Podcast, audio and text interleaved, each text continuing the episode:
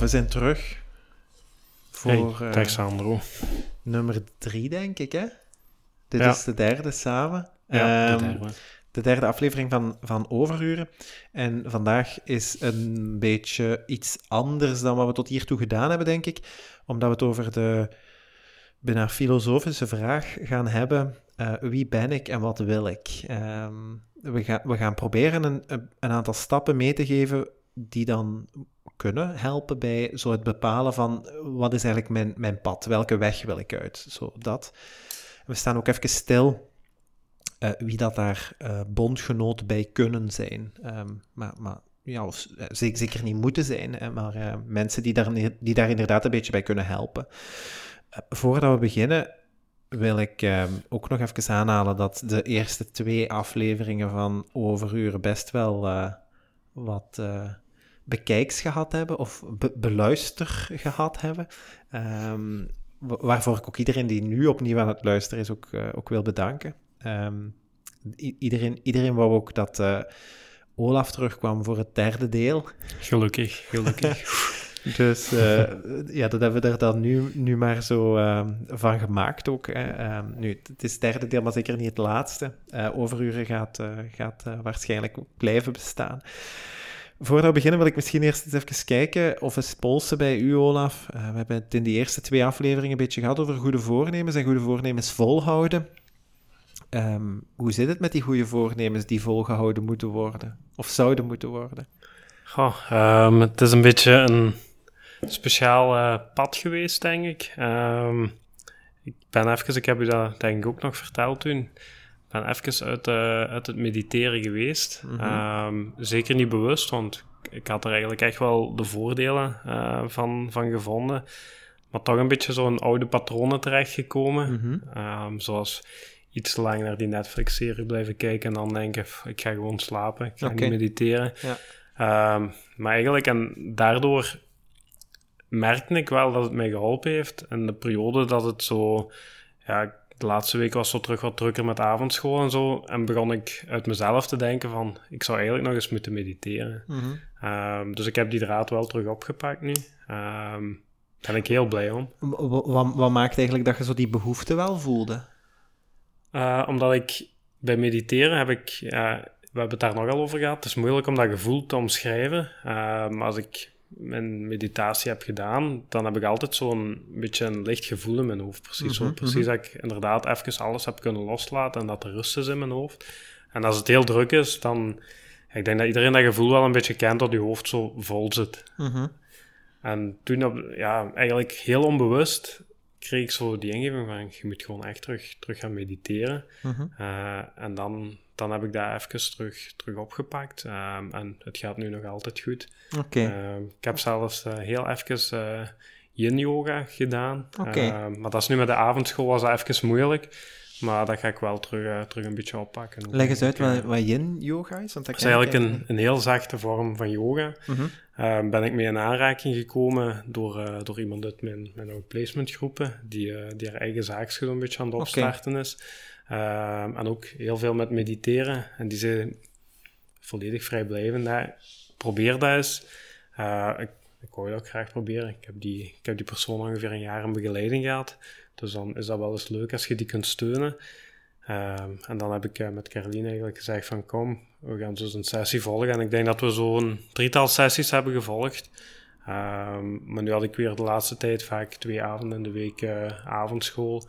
Komt binnenkort ook een examen aan, dus nu is dat weer even blijven liggen. Maar ik ben wel door blijven mediteren. Oké, ja. Ehm, maar het zijn eigenlijk heel lichte stretchvormen. En ondertussen ja, zit je eigenlijk Mhm. je hoofd ook aan het leegmaken Ja. en op je ademhaling aan het letten. En, en Doet goed. probeert je van het mediteren zo een dagelijkse praktijk te maken? Of een aantal keer per week? Hoe, hoe ziet je dat? Ja, ik zou het eigenlijk het liefst nog 's ochtends doen. Ja? Omdat ik, maar ik sta om zes uur op en ik zie het niet echt zitten om nog vroeger op te staan. Mhm. Dus ik probeer het nu zo ehm, vlak voor ik ga slapen te doen. Dan eh, mediteer ik en dan lees ik eh, nog even een luchtig boek. Dus dat ben ik nu ook aan het doen. Zo eigenlijk ben nu twee boeken tegelijk aan het lezen. Ik vond het altijd raar als mensen dat zeiden, maar eigenlijk, ja, de iets, hoe zal ik het zeggen, niet dat ik heel zware materie lees, maar zo de iets theoretischere boeken, Mhm. die lees ik nu overdag, vooral in het weekend dan natuurlijk. Mhm. Ehm, maar zo vlak voor het slapen gaan, na het mediteren, zo een luchtig boekje, dat, eh, dat apprecieer ik wel. Ja, ja, nee, snap ik. Snap ik. Ik heb, ehm, ik heb dat dan nu al verklapt, hè, maar zo om, om inderdaad ons goed voornemen aan te houden, want ik ben voor alle duidelijkheid ook nog altijd eh, aan, aan het Hm. mediteren en, en ik heb voor mezelf ook geleerd dat de momenten dat ik er geen zin in heb, helpt het mij om het eigenlijk net wel te doen. Ja. En soms doe ik het dan. Mijn standaardtijd is zo 20 minuten ongeveer. En ehm, als ik er echt geen zin in heb, dan doe ik het 40 minuten tot een uur. Ja, oké, mooi. En dat, dat doe ik een beetje om. ehm, het feit dat ik er geen zin in heb, wil voor mij zeggen dat er net een reden is waarom ik het wel moet doen. Om, omdat het zo. Ze zeggen dat ook altijd, als je geen tijd hebt om te, medite- om te mediteren, moet je twee keer zo lang doen. Ehm, Ja. En, en ja, dus ik ben daar ook nog wel altijd mee bezig. Ik heb daar, altijd, eh, ik heb daar nog altijd heel veel vragen over. Ik heb ook nog altijd het idee dat ik het, dat ik het zo niet te goed doe. En Ja, dat ik eh, dat heb ik ook wel heel eh, fel. aan het sjoemelen ben. En, dus ik heb, ehm, ehm, ik heb dat ook aangekondigd. Ik denk in de tweede aflevering van Overuur had ik gezegd, misschien moet ik Steven Laurijs eens contacteren. De man, Mhm. de neuroloog die het boek geschreven heeft over meditatie, letterlijk. Ehm, en, en we gaan binnenkort ook, ook effectief bij hem langs op de Universiteit Ja, van Luik. Klopt. Heel cool. Eh, dus wij gaan binnenkort Steven Laurijs interviewen, waar dat we letterlijk allee, de, de, de man die het handboek geschreven heeft, eens even aan de tand kunnen voelen of dat we goed bezig zijn. En dat zal ons waarschijnlijk ook een stuk motiveren om, eh, om vol te houden en om verder te Ja, doen. Hij heeft ondertussen, Sowieso. ondertussen twee, twee boeken uit. Eh, het eerste is het No-Nonsense meditatieboek en het andere is het No-Nonsense meditatiehandboek. Ja, Eh, dus of oefenboek. of oefenboek. zoiets, ja. Dus met, met praktische tips en, en manieren om aan, om aan meditatie te doen. Maar je gaat daar binnenkort onwaarschijnlijk alles eh, zelf nog eens eh, heel gedetailleerd eh, ehm, uitleggen aan ons. Dus die aflevering komt er, komt er binnenkort nog aan. Waarvoor meditatie ook heel belangrijk is, en, en dat is ook de reden waarom ik er nu zo meer en meer terug naar neig, is dat het u voor een stuk ook helpt om uw pad te bepalen. Omdat we in de, in de dagdagelijkse manier van doen en denken, ehm, ja, eh, aan het bewegen zijn en eigenlijk ons hoofd zelden leeg hebben en volledig ter beschikking hebben met de volledige aandacht. En om bepaalde dingen op te merken in uw leven is aandacht net belangrijk. Ook om bepaalde slechte patronen te doorbreken, bijvoorbeeld, is aandacht Mhm. heel belangrijk. Eh, en ehm, ja, dus, dus daarom is deze aflevering eigenlijk ook niet zo'n eh, niet zo'n verbinding die heel ver weg ligt. Hè. Ehm, ik denk dat iedereen in zijn leven wel al eens de vraag gesteld heeft: wat wil ik nu eigenlijk precies? Hè? Ehm, wie, wie, wie ben ik? Wat doe ik hier? Wat is mijn doel? Allee, dat zijn dan zo de grote filosofische vragen. Maar wat wil ik nu eigenlijk, is, is, is sowieso een vraag die iedereen eh, best zelfs al eens zou moeten gesteld hebben. Mhm. Eh, ik kijk even Ja. naar u, maar ik denk dat dat voor u ook geldt. Ja, zeker, zeker. Ik denk Ehm, eh, dat ik die vraag zelfs regelmatig stel. ehm, Ja. En regelmatig ook bijstel. mhm. Sowieso. Ik denk dat, we, dat dat begint eigenlijk ook al op heel jonge leeftijd. Hè? Eh, het eerste dat ik wou worden was archeoloog. Ja, Eh, maar dat is omdat... Ja, ik ben, de eerste film die ik in de cinema gaan kijken ben, was Jurassic Park. En dan leek me dat best nog een spannende job. Ehm, maar door daar meer, meer eh, over te lezen en onderzoek naar te doen, ja, dat, ja, was de kans zeer klein dat het ooit zou eh, een invulling kennen zoals dat in de film eh, gebeurt. Dus dan ben ik eh, maar een ander pad op gegaan. Had jij zoiets in, in, in school? Goh, ehm, ik, ik denk... Ik, ik had vooral eigenlijk het, het klassieke. Ik heb daar wel moeite mee nu eh, om, om dat te zeggen eigenlijk. Zeker zo op een podcast, want dan staat het ook definitief vast. Ehm, maar eigenlijk het hele cliché zo voetballer worden. Nou ja. Ik vind dat wel jammer, want ik, heb, ik had toen ook al heel veel interesses, waaronder ook geschiedenis, maar ik heb toen zeker niet, niet die link gelegd naar archeologie of zo. Ehm, ik weet niet, en dat sluit dan ook wel aan, denk ik, bij, bij de aflevering van vandaag. een stuk over bondgenoten. Ik denk dat de bondgenoten eh, die ik had, dat die eh, allemaal met eh, een rond voorwerp speelden op de speelplaats. een Ja. zogenaamde bal. ja. En dat dat daar een beetje van verder komt. Ja. Want dat was zeker niet eigenlijk uit intrinsieke motivatie als ik daarop terugkijk. Nee. Maar gewoon omdat iedereen het deed ja. leek het logisch om dan... Ja, snap ik, snap ik. Ehm, dat is zo de, de, ja, de context waarin dat je opgroeit. Hè. Ik, ik kom zelf bijvoorbeeld ook uh, heel erg uit een... Uh, niet zozeer thuis, maar zeker uit een... Um, uit een, uit een wijk bijvoorbeeld, waar naar voetbal, dat is zo echt zo de, het fundament waar alles op gebouwd is. Zo. Iedereen, ja, dat heb je me eens uitgelegd, uh, inderdaad. Wel een uh, interessant verhaal. Ja, uw plek op de sociale ladder wordt zelfs een beetje bepaald in welke mate dat je al of geen talent hebt om te voetballen. Zo. Uh, ik had bijvoorbeeld geen talent. Ehm, dat, is wel, dat zegt Erik de Wachter ook altijd. Hè. Ik, had, ik had absoluut geen talenten, dus daarom ben ik gaan studeren. Dat geldt voor mij ook. Allee, hij, is, hij is psychiater geworden en ik maatschappelijk werker, dus daar zijn we allebei wel een beetje een andere richting uitgegaan. Um, maar ja, dat is het, dat is het effectief. Um, dus, uh, en dat, dat geldt vandaag nog altijd. Als je heel goed kunt voetballen, dan, uh, ja, dan, is, dat, dan is dat top. Um, dus ja, ik snap dat wel. dat is ook een beetje die, die uh, ja, groepsdruk, is dat niet, hè? Maar een soort van groeps... Nee, je wordt er een meege, ja. meegezogen. Ja. En eigenlijk is dat een beetje... Zo bekijk het nu, een, het, het verkleinen van uw wereldbeeld. Mm. Ja. Dus als ik nu, nu kijk naar mijn neefje bijvoorbeeld, die mag heel veel sporten, of heeft, heeft heel veel sporten mogen testen. Dat vind ik heel chic, want dat verruimt ook uw, uw wereldbeeld. Je leert andere mensen kennen. Mm en uh, het hoeft voor alle duidelijkheid niet per se sport te zijn. Uh, maar bij mij, ja, mijn familie, iedereen voetballen. Mijn vrienden voetballen allemaal. Dus ja, mhm. ken ook niks anders. Nee, uh, nee voilà. en ik denk dat dat voor heel veel mensen ook herkenbaar is. Maar dan hoeft dat niet per se over voetbal te gaan, maar dan kan dat even goed over andere zaken ook ja, gaan. Hè? Zeker. Um, als, als kind is dat zo vrij eendimensioneel bijna zelfs. Um, ik wil profvoetballer, ik wil dokter, ik wil dierenarts, ik wil, um, ja, weet ik veel, uh, circusartiest worden. Mm. Dat, dat bestond toen nog. Ik weet niet of dat, dat nu nog uh, zo gangbaar is. Maar als kind is dat heel eendimensioneel en naarmate dat je ouder wordt, merk ik ook wel dat dat zo, dat dat zo differentieert. Dat je zo verschillende paden precies tegelijkertijd. Um, nu is bijvoorbeeld een heel, een heel belangrijk onderscheid dat je zo bijvoorbeeld kunt maken, is zo, wat wil ik op professioneel vlak, wat wil ik privé? Um, dat heeft dan elk ook nog eens ontelbaar veel uh, deelvertakkingen. Mm -hmm. um, ja, allee, ik, ik, ik ben nu bijvoorbeeld, um, allee, om het om het dan over het stuk privé te hebben, ben ik nu zo voor mezelf tijdens die lockdown begonnen met, met die podcast. En dat begint zo wel uh, zijn, zijn vaart te krijgen. En ik leer daar ongelooflijk veel interessante mensen door kennen. Dus ik weet wel dat ik daar zo op een, op een pad zit, wat dat ik op zich wel interessant vind. En meer moet dat voorlopig zo niet zijn.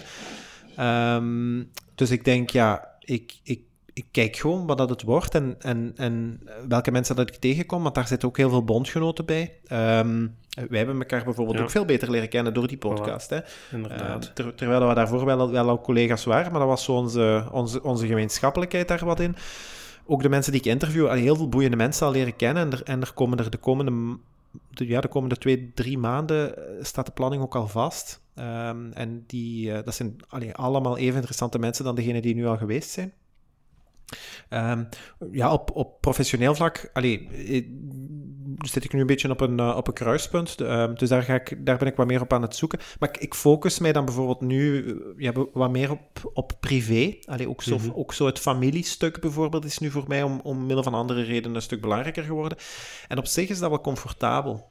Um, ook zo, allee, ik denk dat dat voor heel veel mensen ook een belangrijke les kan zijn. In het zoeken naar je pad moet je ook goed beseffen dat er verschillende paden zijn.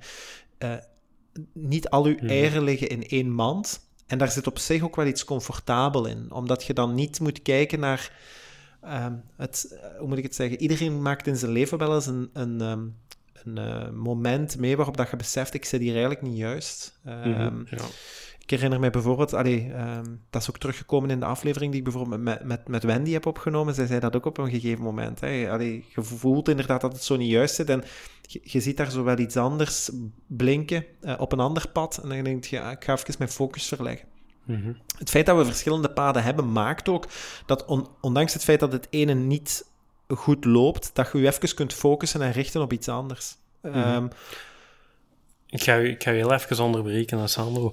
Um, ik vind dat heel interessant um, dat, je, dat je inderdaad die focus kunt verleggen naar een, ander pad. Um, want eigenlijk is dat niet, niet vanzelfsprekend, uh, denk ik. Wat ik heel vaak merk is dat mensen toch op dat één pad blijven focussen en eigenlijk een beetje op een, een doodlopend spoor zitten en daar toch op blijven ja, doordrammen en vastzitten eigenlijk. En dat, ik hoor u inderdaad zeggen, die eieren, dat geeft me wel een comfortabel gevoel. Ehm, maar ik, ik, denk een beetje, dat is, dat is niet altijd vanzelfsprekend. Uh, nee. Kunt je dat een beetje verklaren, hoe, dat jij, hoe, hoe jij dat doet, die focus verleggen? Ja, uiteindelijk is dat voor, voor mij... Allee, voor mij voelt dat een beetje als... Um, ja, bijna natuurlijk aan, omdat ik... Alleen neem nu bijvoorbeeld... Um, professioneel gezien loopt het nu wat minder goed. Maar ik merk dan bijvoorbeeld dat de respons met de podcast en de mensen die willen meewerken daaraan, dat dat supergoed loopt. Ja, dan, dan, ja, dan leg ik mijn focus daar gewoon bij. Omdat ik mhm. weet dat in het andere vooral heel veel frustratie en teleurstelling te vinden is op dit moment. Um, dat is zo. En als ik, um, als ik mijn, mijn, mijn focus op iets positiefs leg, blijf ik wel bijleren. En ik mhm. loop niet constant met mijn neus tegen de, tegen de muur. Ehm, dat maakt ook gewoon... En dan heb ik het eigenlijk over, over groeimindset. Mijn, mm mijn groeitraject ligt nu daar. En dan vind mhm. ik dat ik daarop moet inzetten. En op een gegeven moment komen die dingen wel zo weer met elkaar in verband. En, en gaan die zo terug een beetje synchroon lopen. En dan kunt je aandacht wel weer wat verdelen.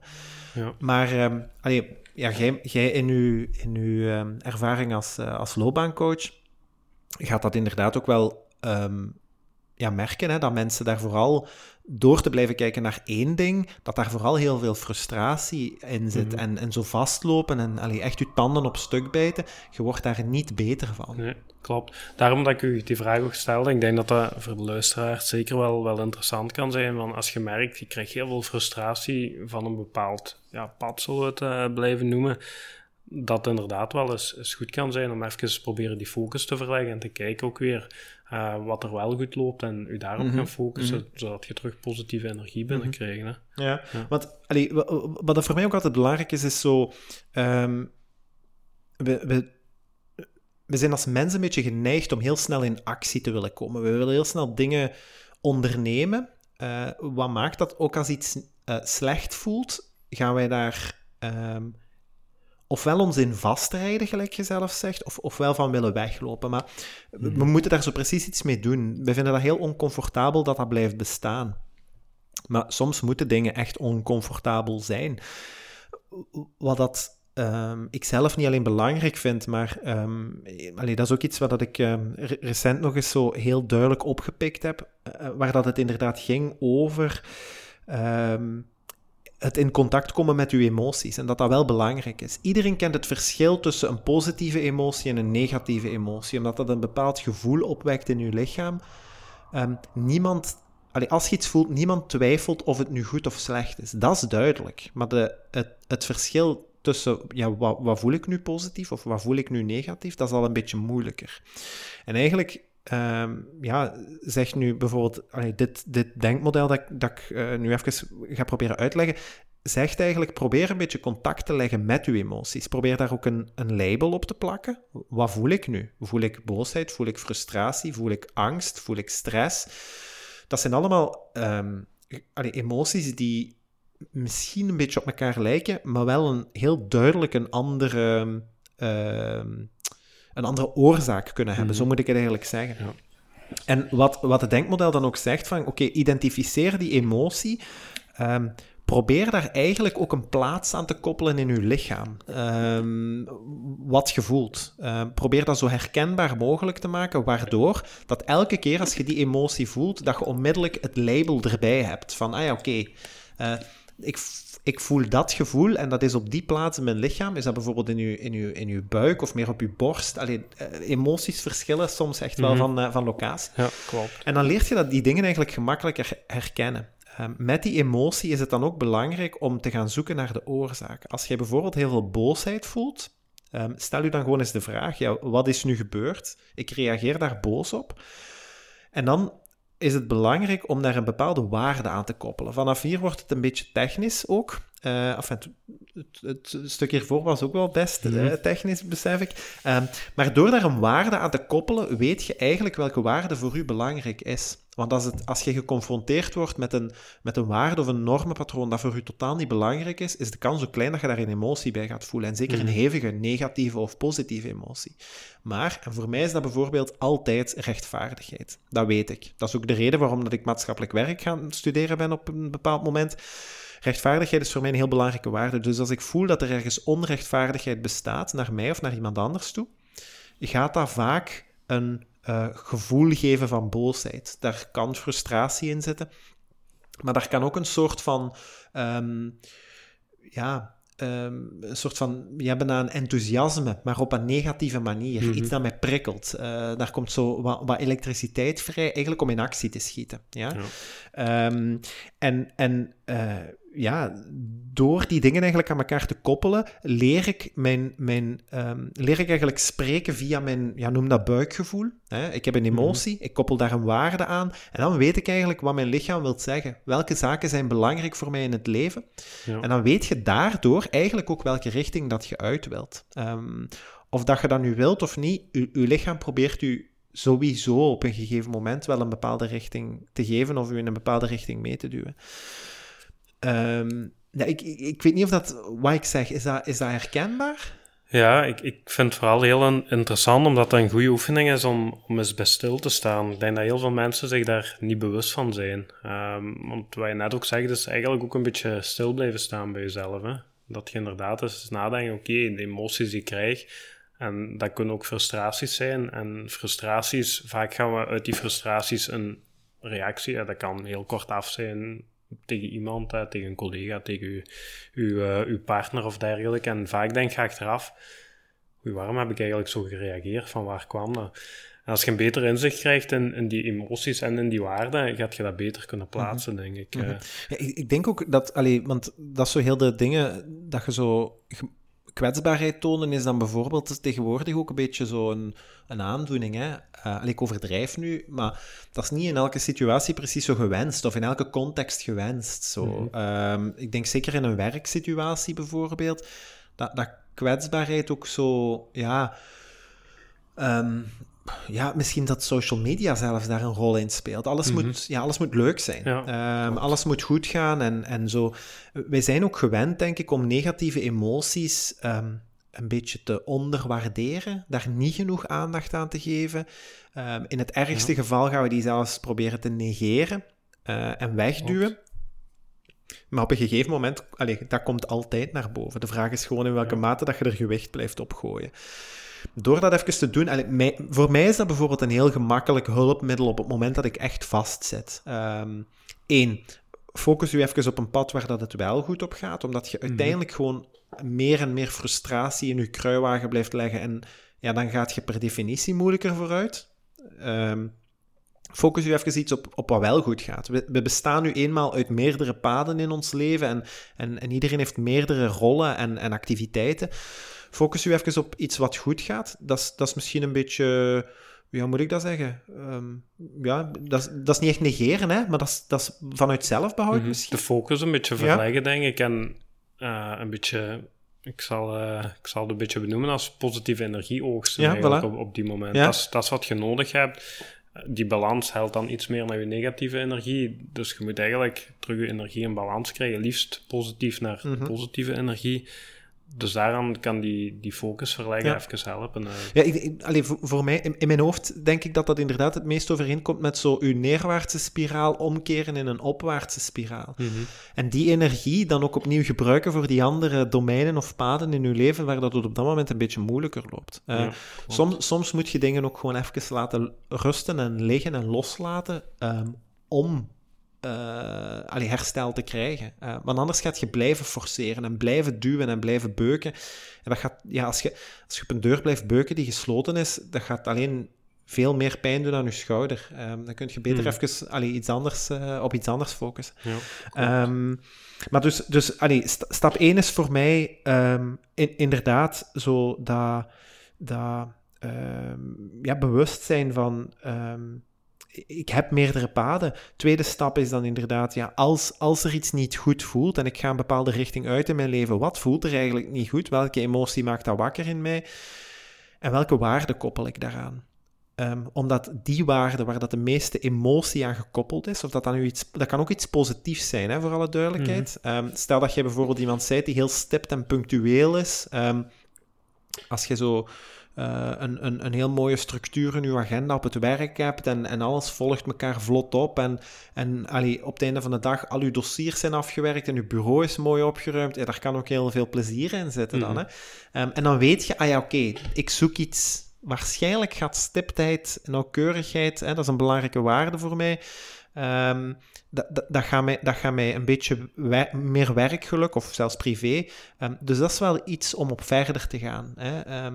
Ik wil maar zeggen, de kans is dan klein dat je gelukkig gaat worden op een werkplek waar dat alles enig chaos is en waar dat... ehm, Ja, en eigenlijk is het dat wat dat je doet. Met heel subtiele dingen toch proberen bewust iets te doen. Eh, meditatie is daar bijvoorbeeld een heel goed hulpmiddel voor. Hè. Mindfulness, juist hetzelfde. Echt even stilstaan. Ehm, en, en, en, bewust je aandacht Ja, richten op voilà. iets. hè. Ja. en, en bewust uw aandacht richten op iets waar dat we eigenlijk eh, in, ons, in, onze, in ons dagdagelijkse doen gewoon op, op voorbij gaan. Eh, en, en verder doen met de, met, de, met de zaken van de dag. Wat mij ook altijd een beetje helpt, en dat, dat ben ik heel bewust gaan beseffen op het moment... Ik heb eh, jaren geleden heb ik eens een slipcursus cadeau gekregen. En wat dat op die slipcursus uitgelegd wordt is, zolang je blijft kijken naar waar je gaat, gaat je een accident maken. Eh, en ik weet, dat dat, ik weet eigenlijk vanaf het moment dat die auto, eh, ze noemen dat dan uitbreken, hè, vanaf het Mhm, moment dat die ja. auto uitbreekt, weet je dat als je naar die muur toe gaat, dat dat niet goed gaat eindigen. Eh, dus dat is een beetje het gevoel, ehm, dat je, het negatieve gevoel als je op een bepaald pad zit. Je Mhm. weet dat dat niet goed gaat komen. Als jij in je leven al een beetje richting hebt en weet welke richting je uit wilt, en je ziet dat ergens voor je, ook al is dat iets vaag, ehm broed dat idee uit. Eh, probeer daar echt zo bewust mee bezig te zijn. Probeer daar aandacht aan te schenken. Probeer daar focus aan te geven. En wat je dan doet, is wat ze op de slipcursus ook leren. Je moet kijken naar de richting die je uit wilt gaan. Dus weg van de muur. Weg van, het, ah, van de verkeerde uitkomst. Mhm. Weg van je per totaal. Eh, maar je, je wilt graag allee, Ja. gezond en wel op je bestemming aankomen. En dat helpt eigenlijk ook als je zo je, eh, naar je juiste pad aan het zoeken bent. Is dat ook een beetje wat je met de podcast hebt gedaan? Wel, ik heb in de voorbereiding van deze aflevering heel vaak de podcast als voorbeeld gebruikt in mijn hoofd om dit uit te denken. Ehm, Mhm. Ik, ik luister al heel lang naar podcasts en ik vind dat super interessant. En ik heb daardoor ook heel veel interessante eh, mensen leren kennen. Ook mensen die, die boeken geschreven hebben of films gemaakt hebben. En, en dan, ja, daardoor heb ik ook heel veel gel- gelezen en gekeken en muziek geluisterd en zo. En, en, en ja, ik, ik, wou, ik wou daar zo precies een, een onderdeel van uitmaken. Zo. En Ja. ik, ik wist dat dat belangrijk was voor mij. Eh, met mensen aan tafel zitten en, en, en inspirerende gesprekken. Ik heb dat in mijn leven ook altijd graag gehad. Zo, ik voel ook echt zo ehm, een, een gevoel van eh, bijna ja, vreugde, blijdschap, als ik met mensen gewoon zo van gedachten kan wisselen. En, en, en ik dacht, ja, waarom, waarom probeer ik dat niet zelf? Ik wist niet hoe de weg eruit zag, maar ik wist, ik zag in mijn hoofd inderdaad mij aan tafel zitten, bijvoorbeeld zoals, ja, zoals wij hier nu zitten en, en Mhm. praten en daar, daar, daar zelf heel veel plezier uit halen en, en zo Ja. arbeidsvreugde bijna. Eh, en daar ben ik gewoon mee begonnen. Op een gegeven moment heb ik dan een stap gezet en ik ben beginnen kijken in de richting waar dat ik wou uitkomen. Dus ik ben Ja. gewoon een, een abstract idee veel concreter beginnen uitwerken op papier. Eh, met, met mensen samengezeten, iets uitgedacht. Ehm, en doordat ik dat in mijn hoofd concreter maakte, volgde de praktijk gewoon. Ehm, Ja. ah ja, want je schenkt daar al je aandacht aan, je steekt daar tijd in. En waar dat je, waar dat je tijd in steekt en, en waar dat, wat dat je koestert, wordt Mhm. sowieso een sterker en krachtiger idee. Ehm, dat is niet zozeer dat je, hoe moet ik het zeggen, dat we allemaal eh, zieners zijn en in de toekomst kunnen kijken. Soms, Mhm. soms gaan dingen ook heel hard verschillen hè, van, van je initiële Is, idee. is ook een beetje zoals een slipcursus. Hè? Op een bepaald moment moet je ook je stuur omgooien om het te oefenen. En dat Ja. is ook een beetje de controle loslaten en je Ja. gooien. hè. Ja, voilà. Dus, dus eh, je, je zet een stap en uiteindelijk is de podcast nu vandaag ook al iets heel anders geworden dan wat ik initieel in mijn hoofd had. Mhm. Maar dat is oké. Maar dat had ik nooit geweten als ik er niet mee begonnen was. Want dat ik, had ik aan de startlijn blijven staan en dat blijven uitdenken totdat ik het allemaal zeker wist, was ik waarschijnlijk ook nooit vertrokken. En dan was ik vandaag heel gefrustreerd dat ik er nooit mee begonnen was. Ja. Ehm, maar ik ben altijd blijven kijken naar, naar zo, ja, de, de, de richting die ik uit wil. En die richting is ondertussen ook al een paar keer veranderd, maar dat is oké. Omdat Mhm. ik ja, nu informatie heb die ik toen niet had. Het is een beetje genieten ook van dat pad, eigenlijk. Ja, hè? ja. Dat is, daar zit ergens ook het leuke in, dat het een beetje onverwacht is en dat er verrassingen bij komen kijken. Mhm, Eh, mhm. Want allee, misschien, misschien kunnen we, kunnen, allee, wil ik daar zo wel eens de link maken zo naar bijvoorbeeld een, een, ehm, een, eh, een, een loopbaanbegeleiding. Eh, want op zich, die, die loopbaanbegeleiding, dat, dat begint, denk ik dan, van, allee, voor zover ik dat ken, begint dat vanuit een niet zo positieve emotie. Hè? Mm, Is ja. dat altijd zo? Of is dat... Dat hangt, er een beetje, dat hangt er een beetje vanaf. Er is altijd wel iets dat, dat niet goed gaat, natuurlijk. Ehm, nu, om dat, op dat, dat pad te richten, is dat ook wel heel vaak is zo de vraag van, ja, moet ik, iets, moet ik naar iets anders gaan kijken? Ik denk dat ik van job moet wisselen. Of, ja, volgens mij... Nee, de job die ik nu doe is volgens mij... Dat, dat, dat is toch niet mijn ding. Mhm. Eh, en eigenlijk komt er heel vaak uit op het einde van de rit dat ze eigenlijk wel gelukkig zijn in hun job, maar dat ze inderdaad. ehm, ik zal eh, even denken of ik een metafoor kan vinden. Eh, Maar dat ze inderdaad niet zich durfden smijten op een bepaald ding. Soms kan dat heel banaal zijn. Hè?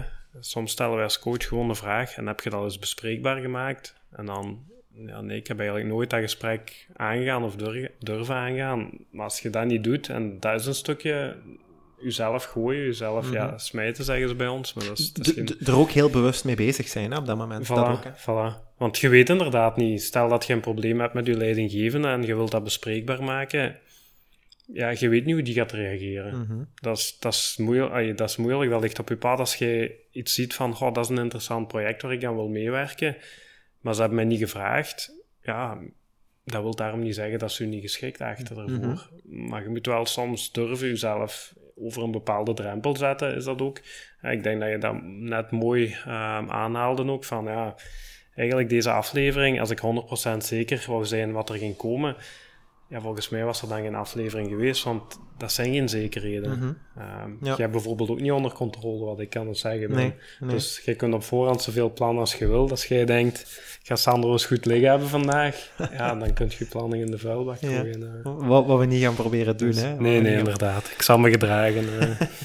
Ehm, nee, maar zo, ja, ik, ik- en ik, ik, ik denk dat dat zo een, een beetje overeenkomt. Ehm, dat is, allee, op een gegeven moment, bij zo de, ik noem dat de, de creatie van een, van een idee, ehm, dat je dan wel zo, ehm, je, je komt frustratie tegen, hè, in het begin, onderweg. Ehm, maar dat, als je blijft kijken naar, naar zo wenssituatie, daar zou normaal, per definitie, altijd wel een positief gevoel aan gekoppeld moeten zijn, denk ik. Niet? Ja, zeker, zeker. Maar ik denk dat, eh, dat het zaak is ook om, zoals je ook zegt, je niet te fel te focussen op de weg die je, die je op voorhand had. En dat je ehm, bij, en dat is een stukje die groeimindset ook. Bij, bij een tegenslag, er zijn altijd tegenslagen. Hè. We hebben het nu ook een stuk over bondgenoten. Ehm, er zijn soms mensen die u naar beneden willen halen of u zaken willen ontmoedigen. Als je dan direct gaat zeggen van, ja, ze hebben gelijk en ik doe er niks meer, gaat je nooit dat positieve gevoel ervaren. Want dan gaat je nooit tot, tot je doel komen. Anderzijds vind ik ook, je moet je doel niet altijd behalen. Hè. Soms is die weg daar naartoe net het leuke en komt je op een ander doel uit. Net omdat je je een beetje hebt, ja, hebt laten meegaan met de stroom. En, Ja, dat, dat, allee, uiteindelijk hoort dat er ook voor een stuk bij, omdat ehm, ik, ik heb ook geleerd dat zonder, ehm, zonder moed is er ook geen kwetsbaarheid, of zonder kwetsbaarheid is er ook geen moed. Dus Mhm. hoewel dat in de, in de volksmond bijna is, is kwetsbaarheid bijna een, een beperking of een, of een allee, iets wat je liever Mhm. wordt niet wilt laten zien. negatief naar gekeken. Hè. Er Ja. hangt zo'n beetje een, een, een negatieve bijklank aan vast. Ehm, maar eigenlijk is daar ook heel veel moed voor nodig. En als iedereen het heeft over moed, ja, dat, is dan, dat is dan opeens wel positief. Mhm. Ehm, dus Ja, die, die, die twee dingen staan, staan heel erg in, in, in verband met, uh, met, met elkaar. En, en ik, ik denk dat dat ook iets gemakkelijker moet kunnen. Uh, mensen die het heel comfortabel willen en geen risico's willen lopen, ja, dat zijn heel vaak mensen die per definitie ook altijd op dezelfde plaats blijven staan. En dat is oké. Okay, ja. Voor sommige mensen is wat er vandaag is ook genoeg en, en, en dat is goed. Maar, maar mensen die zich minder goed voelen in de situatie van vandaag, gaan op een bepaald moment wel een stap moeten zetten. of Hmm, dat dan nu de, de, juiste stap is, dat maakt op dat moment minder uit. Zolang Hmm. ze maar blijven kijken naar de richting die ze uit willen Ja. gaan. Uh, want je gaat onder, onderweg mensen en zaken en dingen tegenkomen die ja, per definitie ehm, ja, u gaan proberen omduwen. Ehm, i- Ja. ja. En dan is die mindset net, eh, net belangrijk. Ja, voilà, Dat je dat niet, voilà. eh, niet laat gebeuren. Hè. Ja. Ja. Wat, eh, wat ook belangrijk is in zo dat vooruitkijken, ehm, als dat uw eigen idee is, gaat dat inderdaad altijd goed moeten, moeten voelen. Zo. Eh, en, en dat is Mhm. zo die wisselwerking. Hè? Allee, ehm, vooruitkijken is, is iets voelen. Eh, dat is opnieuw even stilstaan en bij uzelf te raden gaan van ja, wat, wat doe ik daar precies mee en voelt dat juist en welke waarde koppel ik daar misschien ook aan. De dingen een beetje doordenken. Ehm, zaken zijn ook, zijn ook allee, voor een stuk wat die zaken zijn ook wat, wat gekoppeld aan elkaar. Hè. Ehm, ik, ik voel iets en, en voelt dat goed. En blijf ik dat dan, blijf ik dat dan voor mij zien of, of, of wijzig ik mijn pad? Je komt onderweg Mhm. ook heel veel nieuwe informatie tegen. Hè. Je, je, je, je spreekt met mensen, je leert, ehm, je leert andere meningen kennen en, Ja. en je, je leest ondertussen ook wat, wat bij over dat onderwerp, waarschijnlijk. Een stukje ervaring op. Dus Voilà, ook, eh, ehm, ja, Maar uw ervaring, en dat is, belangrijk misschien ook, dat is wat ik daar straks ook wilde zeggen, ehm, ervaring doet je onderweg op en niet, Mhm. aan, niet aan de startlijn. Heel veel mensen willen eerst alles weten over iets voordat ze de stap durven zetten. Mhm. Ehm, ik denk dat zo uw, ehm, uw imposter syndrome daar ook een beetje tussen komt wandelen, zo, omdat je denkt, ja, allee, dit, dit is toch niet vernieuwend en, en allee, waarom zou dat voor mij wel werken en, en waarom is dat, hoe weet ik zeker dat dat mijn pad is? Mhm.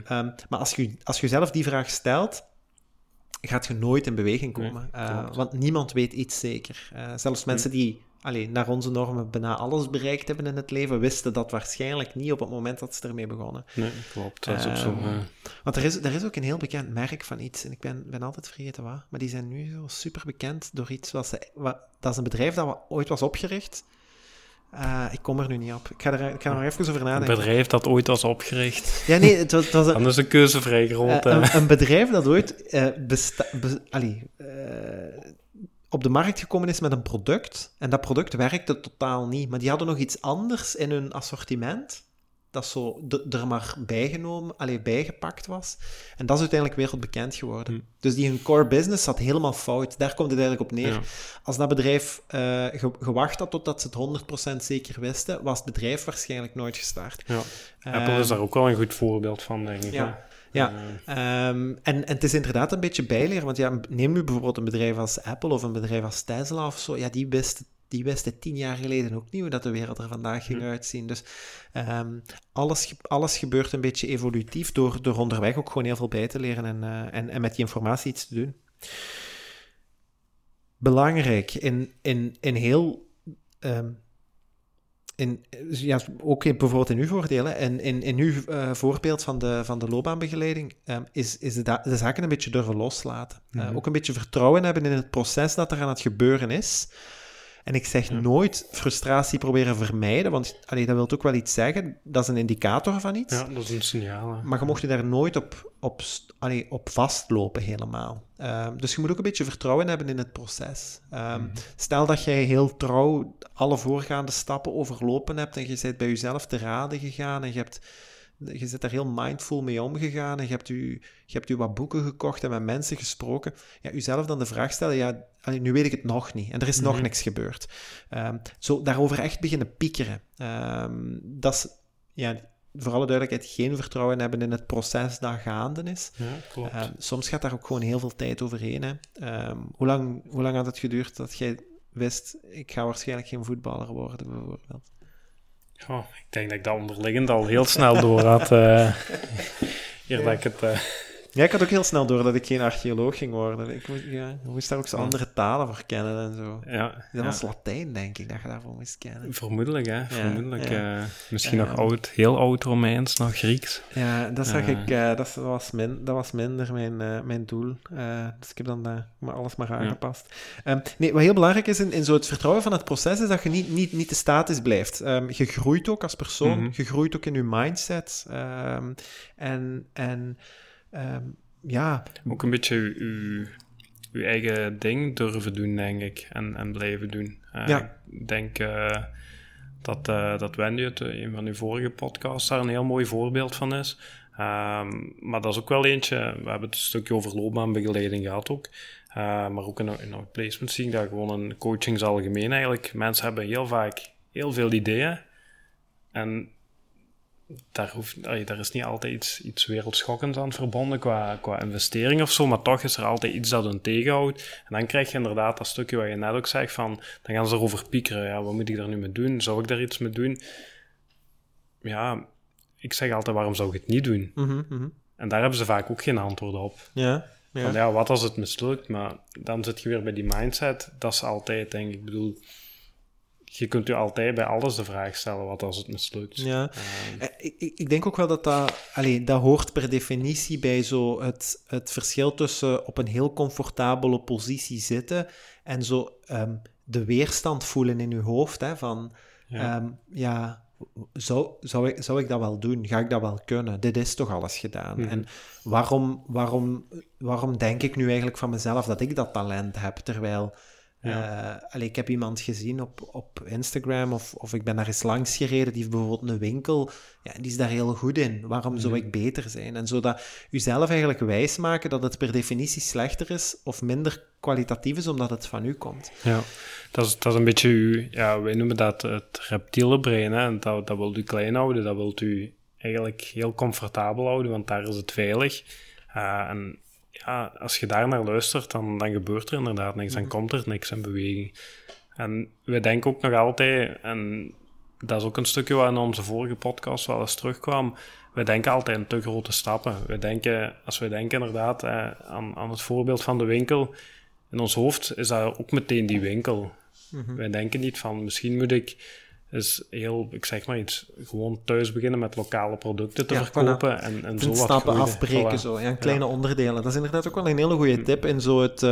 allee, stel dat inderdaad een van, een van uw doelen is om, om zelf iets op te bouwen en om zelf iets op poten te zetten. Mensen kijken heel vaak naar de berg en, en niet, niet naar de verschillende haltes die, eh, die eh, overbrugd kunnen worden om naar de top van de berg te geraken. Hè. Wat, wat dat ik wel heel belangrijk vind om ook nog aan te halen is... ehm, eh, allee, weerstand is voor, is voor mij, denk ik, de belangrijkste vorm van zelfdestructie. Ook omdat het... Iedereen denkt dat dat... eh, hoe moet ik dat zeggen? I- iedereen denkt dat dat zijn eigen stem is. Dat dat... ehm, hoe moet ik het zeggen? Uw realisme is dat spreekt. Maar dat ja. is niet waar.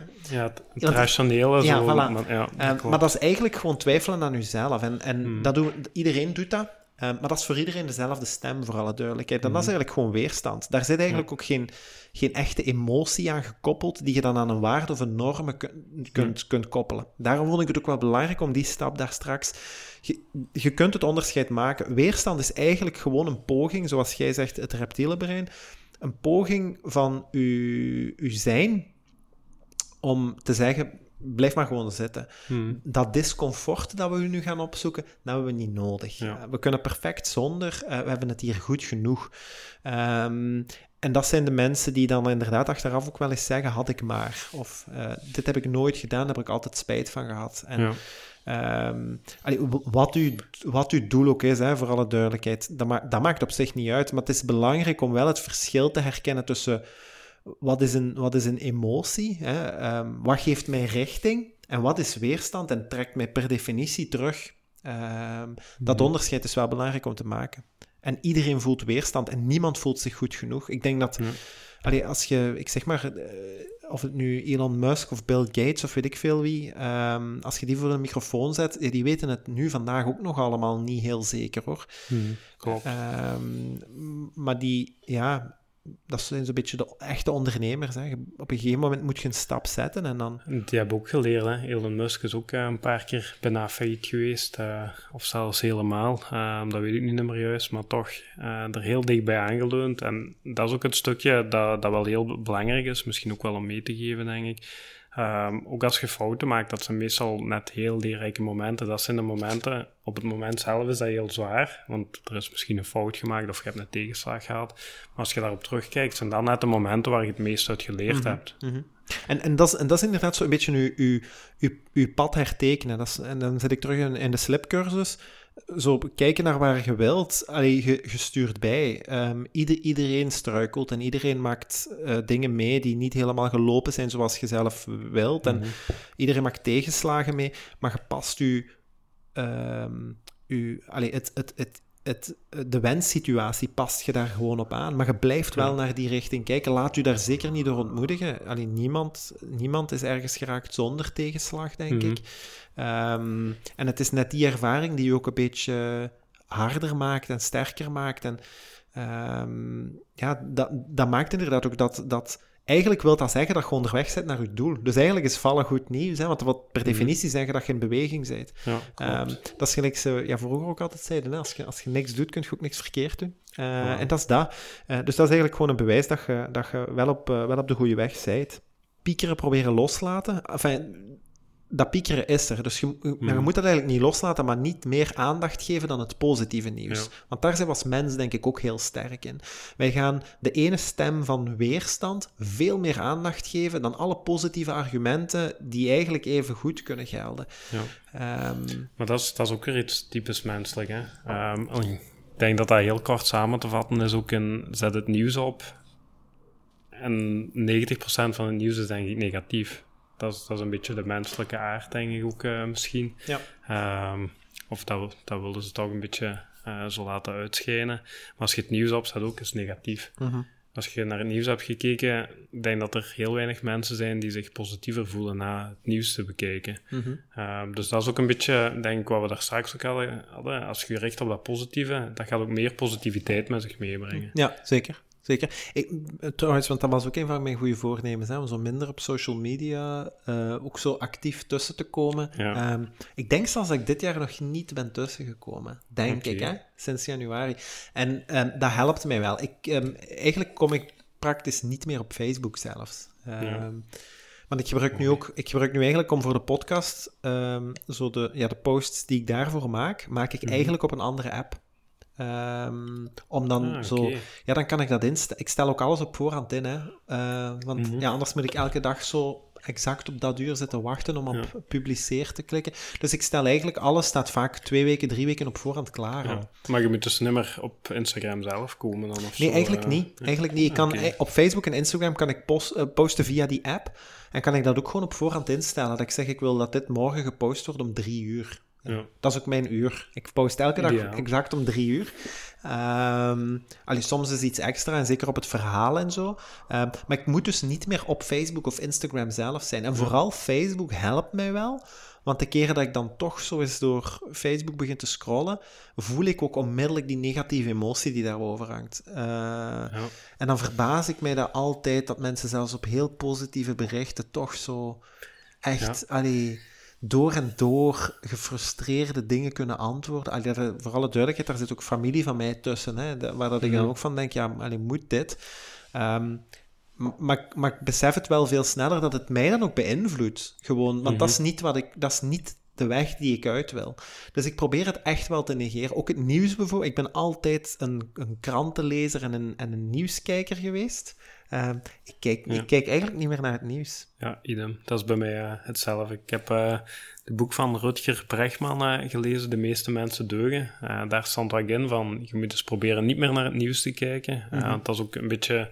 Het is een vrij uitgebreide boek, maar mm -hmm. dat is kort samengevat eigenlijk het doel van het boek. Van te laten zien van, kijk, de meeste mensen deugen effectief. Er is heel veel positiviteit, maar dat brengt geen sensatie mee. Ik denk in een post van daar straks ook over uh, social media stond ook uh, de heel interessante documentaire van de Social Dilemma. Ja. En die laat ook heel mooi zien hoe dat je eigenlijk, ja, ik noem dat een beetje in de val gelokt wordt om die negatieve emoties te tonen. Want ja, daar gaan andere mensen ook weer negatief op reageren. Mhm. En zo krijgen zij natuurlijk meer kliks en likes en Mhm. interactie. En Ehm, op, eh. ik heb, eh, vorige week heb ik nog een onderzoeker, een Amerikaan, dat is eigenlijk een psychiater, ook een wetenschapper, horen zeggen dat dat eigenlijk eh, social con- contagion noemt hij dat. Eigenlijk een beetje naar beeldspraak van nu het coronavirus. Mhm. Ehm, hij zegt, om, om het coronavirus op te lopen, moet er eigenlijk iemand in uw buurt staan, die moet letterlijk in uw gezicht niezen en dan krijg je misschien allee, eh, COVID, ja? ja. Maar bij social contagion kan er letterlijk iemand die op de andere kant van de wereld zit,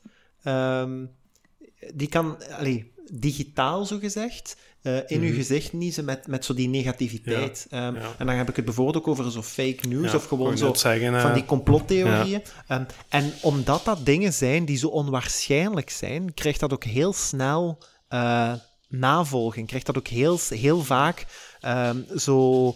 eh, ja, wordt dat, gaat dat heel gemakkelijk viraal. Ehm, Ik Mhm. merk dat ook. eh, allee, nu let ik daar veel duidelijker op, omdat ik daar zelf mee bezig ben. Maar positief nieuws ehm, krijgt veel minder gemakkelijk ja. de, zo het, het viraal gaan. Eh, terwijl negatief nieuws heeft dat veel sneller. Mensen zijn ook altijd ja, ge- meer geneigd om mee te surfen op zo de golf van zo lichte frustratie en, en, Mhm. en boosheid. Zo dat, dat werkt precies voor veel mensen mee. Eh, Ja. Blijkbaar is er in de ja- begin jaren 60 is er trouwens in de Verenigde Staten ooit een studie geweest. Eh, die, die studie gaan ze ook nooit meer kunnen nabootsen. Toen konden er nog veel meer dingen, waar dat ze letterlijk gewoon elektroden ingeplant hadden bij mensen op de verschillende, eh, ja, noem dat een beetje beloningscentra, genotcentra van mensen. Mhm. En dan gewoon daar een, een lichte elektrische lading doorgestuurd. Dus je kon eh, bijvoorbeeld eh, ja, het, het gevoel van voldaan zijn en zo konden ze dan opwekken. Ah, Ehm. En mensen mochten dan kiezen welk gevoel ze het leukst vonden en dat ze dan, want ze mochten het dan zelf bedienen. Mhm. En ehm, nu mocht jij eens raden bij welke emotie dat, dat men, ik heb het eigenlijk al verklapt, dat mensen eh, bleven op drukken, omdat dat eigenlijk het meest voldoening gaf. Ehm, dat was lichte frustratie. ja. Eh, en zo, ja, een beetje boosheid. Dat is denk ik, ik weet niet of je ooit de TED-talk van Tristan Harris hebt gezien. Dat is ook degene die heeft meegewerkt aan de Social Dilemma. Ehm, die eh, in de Social Dilemma hadden ze ook even aan dat ze zo bewust op het reptiele brein ook gaan, gaan inspelen. Ehm, dat is ook een beetje dat principe, denk ik. Eh, Facebook en dergelijke en andere social media, eh, zeker Facebook niet alleen, die gaan proberen zo laag mogelijk op uw, ja, op uw breinstam eigenlijk te mikken, want daar zit, ja, daar zit eigenlijk de snelste reactie. Als ik, als ik u een positieve boodschap geef, dan komt dat binnen in uw rationele brein, in uw menselijk brein, en je gaat heel kalm zijn. Maar als ik u met iets persoonlijk bijvoorbeeld in die waarde raak, ja, dan zit ik echt op uw reptiele brein en gaat je heel fel en snel reageren. En dat is Mhm. natuurlijk waar social media van leeft, dat je snel eh, Mhm, reageert natuurlijk. Ja. Zo ja. komt er interactie Ja. en anderen reageren daar weer op en Mhm. je zit vertrokken. Ja, ik vond het zelf wel heel opvallend, omdat dat zo... Want ja, je zou dat eigenlijk op voorhand een beetje labelen als een negatieve emotie. Ehm, maar ja, allee, ja, om het heel simpel te stellen, mensen drukten liever op die knop dan bijvoorbeeld seksuele opwinding of zo. Allee, Ja. dingen die dan ja, aan de positieve kant van het spectrum. Mhm. Dus ik vond dat zelf een heel raar Heb onderzoek. je een idee van de leeftijdscategorie van die mensen? ja, ik, denk, ik denk wel nog actief. wel nog actief. Ehm, maar zo, ja, ik vond, ik, vond zelf, ik vond het zelf bijzonder raar, maar dus lichte frustratie en boosheid. Mensen reageerden daar echt op van, ja, doe, doe, mij, doe mij nog maar een beetje meer van dat. Ja. En ja, toen ik dat geleerd had, wist ik ook wat, ehm, ja, inderdaad sociale besmetting is via een format als social media. Mhm. Ehm, we hebben het daar al eens over gehad. Hè? Zo, heel de lockdown, mensen hebben ook gewoon meer tijd om achter hun iPhone eh, of smartphone en, en laptop te zitten. Ehm, dus het, het werkt ook, het werkt ook allee, die dingen nog een beetje meer in de, in de hand. In mijn post van vandaag op de, op de Instagram- en Facebookpagina van, eh, van Over Mensen heb ik ook allee, eh, een Engelse studie van... Het zijn eigenlijk drie Engelse studies die in het jaar 2020 afgenomen zijn bij mensen die hun eh, een eh, smartphonegebruik laten monitoren. Mhm. En we zitten ongeveer tussen de drie uur en een kwartier tot drie uur en 45 minuten per dag eh, zijn we, zitten wij vast aan onze smartphone. Ja. En daarvan is inderdaad een bepaald percentage bijvoorbeeld werkgerelateerd, e-mails en zo. Maar het overgrote deel is echt social media. Wat ik ook opvallend vond, is dat 50% van de acties op uw smartphone eh, binnen de drie minuten, dacht ik, na uw vorige sessie al gebeuren. Dus dat wil zeggen dat je echt constant teruggetrokken wordt naar... Ja. eh, dus echt binnen de vijf minuten zit je terug op je smartphone. Terug zo die... Ja, dat is dat, dat genotcentrum dat constant getriggerd wordt. Mhm. Hè? Zo dat beloningscentrum. En, en dat voelt supergoed. Maar eigenlijk, als je daarop terugkijkt... Allee, wat draagt het eigenlijk bij? Wat, draagt het bij? Ja. Behalve dan die frustratie, die we op zich onbewust... Allee, zo, ja, noem dat inderdaad reptiele brein. Wat dat wel... We halen daar wel een bepaald soort van genot uit. Maar ik stel bij mezelf vooral vast dat dat... Dat is zo leeg. Allee, dat daar zit zo niks achter. Dat is, dat is weer een stukje die bewustwording ook, denk ik. Ik denk dat heel veel mensen zich daar niet bewust van zijn dat ze er zoveel op zitten. Mhm. Ehm, ik denk, ja, mijn, mijn gsm houdt dat mooi bij. Ik krijg daar wekelijks zo een, Mhm, een ja. mooi overzichtje van. Ja. Eh, en de ene week ben ik zeer tevreden, en de andere we- week eh, dan eh, schrik ik toch ook even van, oh. En, maar dat vind ik op zich goed, want dan word je er bewust van. Heb, sinds- heb je geen idee hoeveel uur je gemiddeld... ehm, de laatste weken zit ik zo op eh 2 uur en 15 minuten. Nu, ik moet ook veel bellen voor het werk natuurlijk met de, met de gsm. Ehm, dus dat valt op zich wel, eh, wel mee. Maar nu, ik denk, de, de laatste week, daar heb ik gisteren denk ik mijn update van gehad, zat ik plots terug aan 2 uur 44 minuten. Eh, dat komt dan toch wel, eh, wel even binnen. Want ik denk, in de studie stond ook, eh, stonden een aantal dagen, ook 50 dagen per jaar. Ja, als je, als je dus Eh, alle uren per dag samenlegt, kom je aan 50 Van- dagen... Dus, ja. maar, f- allee, is 50 gigantisch, hè? dagen van 24 uur, hè, voor alle Ja, duidelijkheid. Niet van s morgens tot s avonds, Dat hè. is, dat is gigantisch, hè? Ehm, dus dat is, dat, is, ja, dat is eigenlijk ja, net geen twee, twee maanden per jaar dat je echt vast, echt puur en alleen met je smartphone Mhm. bezig bent. En dan vind ik het ook een beetje opvallend dat, allee, we hebben het allemaal druk, druk en we hebben het allemaal... We hebben geen tijd voor dingen, we hebben geen tijd voor zinvolle contacten, voor zinvolle verbindingen, we hebben geen tijd voor sport, we hebben geen tijd voor hobby's. Terwijl, ja, als je, als je en dat weet jij beter als mij, denk ik, als je drie uur per dag in de fitness staat, Mhm. Ga je wel wat opleveren op een jaar, Ja. hè? Ja, ik, ik sta er ook geen drie uur, maar inderdaad, eh, zelfs als je, die, als je die tijd, en ik heb net ook al gezegd, heel veel mensen hebben heel veel ideeën waar ze net de stap niet voor durven zetten, maar werk maar eens 50 dagen in het jaar gewoon aan, aan een idee dat je hebt, en dat uit te werken, dan staat je al vrij ver, hoor. Dan, dan heb je al iets moois klaarstaan. eh. Want wat, wat bijvoorbeeld een goede oefening zou kunnen zijn, hè? we zijn de hele tijd bezig over zo, allee, mensen die bijvoorbeeld zo, want vandaaruit ver- vertrok ook mijn, mijn idee voor deze aflevering, zo, eh, ja, wat, wat wil ik nu eigenlijk in het leven? Wat, allee, Mhm. Wie ben ik en, en weet ik wel wat ik wil en ik weet eigenlijk niet wat ik wil en, en dat frustreert mij, want ik sta vast en ik sta hier op mijn plek. Spendeer daar inderdaad gewoon eens een kwartier, twintig minuten per dag aan. Mhm. En dat, je moet daarvoor geen opofferingen doen. Leg gewoon je, je smartphone weg en die 20 minuten zijn er al. Je kunt daarnaast, daarna zelfs kun, je- je nog eens 20 minuten mediteren. Ja. Eh, en dat zijn nog maar 40 minuten van uw, van uw drie uur. Alleen minstens drie uur en een kwartier gemiddeld. Mhm. Ehm, dus zo, allee, probeer inderdaad zo die zinvolle tijd een beetje terug te nemen. Allee, probeer dat voor uzelf in te vullen. Ehm, Want, en daar begon onze lus eigenlijk zo, ehm, ja, in, in dat stuk van die, van die, van die frustratie, hè, van, van, dat, van dat gepieker, eh, om, om daar ja, een beetje alerter eh, mee om te gaan. Dat is, dat is allee, super belangrijk. Er is denk ik geen enkele vraag in het leven belangrijker dan, ja, wat wil ik, wat wil ik nu eigenlijk en wat is mijn doel? Ja. Niet weten wat je doel is, kan super frustrerend zijn. En dat weet ik allee, als de beste. Ehm, Mhm. Maar ik heb nu, allee, terwijl, hoe moet ik het zeggen, ik ben er pas mee begonnen, maar ik heb nu met die podcast op zijn minst wel een gevoel, en dat, dat weet ik 100% zeker, dat is wel een positief gevoel, dat ik weet, oké, ik ben hier een pad Ja. ingeslaan, dat is super interessant, en ik, ik heb heel, allee, een beetje moeten lezen en zo, maar niks voelt alsof het moet. En dan, zolang ik dat heb, dan denk ik, ah ja, oké, ehm, heel veel mensen leren kennen en veel Mhm. bijgeleerd en zo. Het is een pad dat blijft lopen, hè. Ja, En je, weet niet, je weet niet waar het eindigt. Nee, en je Of weet, ook niet, je weet ook niet wat dat daarbij komt. Dan komt daar misschien nog een vertakking en dan, allee, Mhm. misschien wordt dat, ook, wordt dat ook iets anders of weet ik veel. Maar ik ben wel onderweg en ik heb geen frustratie. Ik kom geen frustratie tegen. Ik, ik sluit, allee, voor alle duidelijkheid, de, de buitenwereld een beetje af. Allee, door zo bijvoorbeeld Facebook en nieuws en kranten te vermijden. Maar Mhm. ik vind dat op zich geen gemis, omdat ik er heel veel voor terugkrijg. Ja.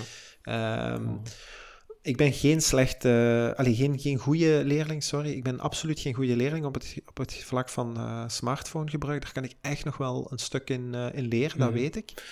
Maar ik ook, hè. iedereen denk ik. En allee, dat is misschien wel een nuance die we ook moeten geven. Um, social media heeft ook heel veel positieve zaken. Ja, zeker. Um, ik denk dat dat ook hier weer misschien die, die focus is die wel belangrijk is. Kies een beetje uit wie dat gevolgt. Mm en daar kun je ook inspiratie uit halen. Vooral de, mhm. want we hebben net wel even stevig gebashed, denk ik, erop. Mhm. Uh, maar het is zeker niet, niet enkel negatief. Als je kijkt naar de over mensen pagina en zo, mhm.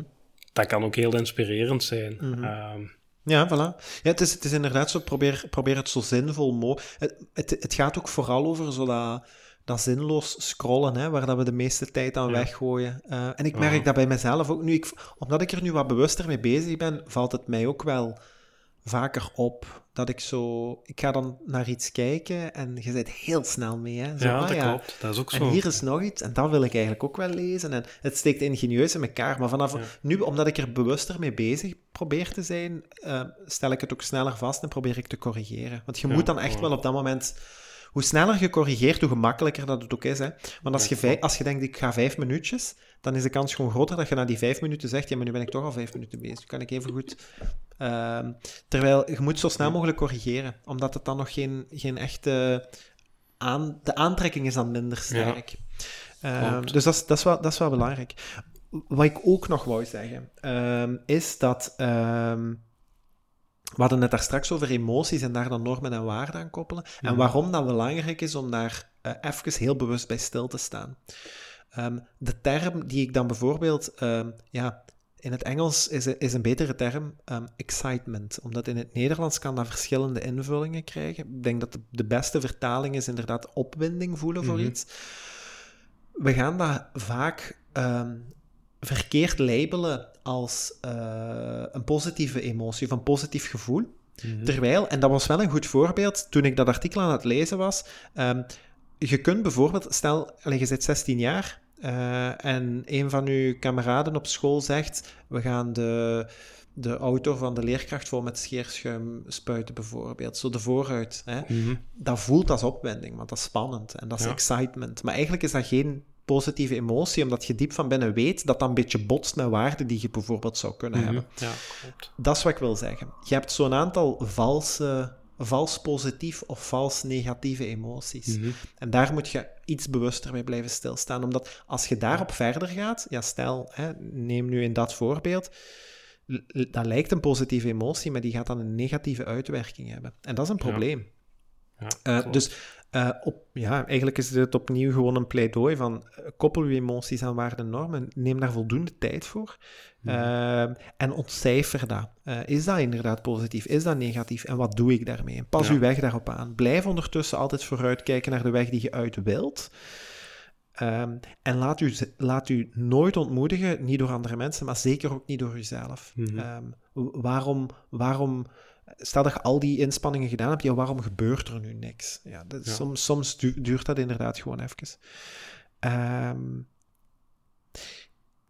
ik, ik heb voor mezelf zo in de, in de afgelopen tijd ook, uh, maar ook iets langer, ook een aantal tips aangeleerd die mij helpen. Een van de, de beste tips, dat komt ook uit een, uit een TED-talk bijvoorbeeld, uh, die ik geleerd heb, is als je niet weet wat je wilt in het leven, probeer dan gewoon 30 dagen lang aan het eind van elke dag op te schrijven wat u in die dag het meest energie gegeven heeft, wat dat u het meest enthousiast gemaakt heeft, waar dat je eigenlijk meer van wilt. Waar dat je ab, er is altijd zoiets, zonder twijfel, dat is positief en daar wilt je meer van. Mm -hmm.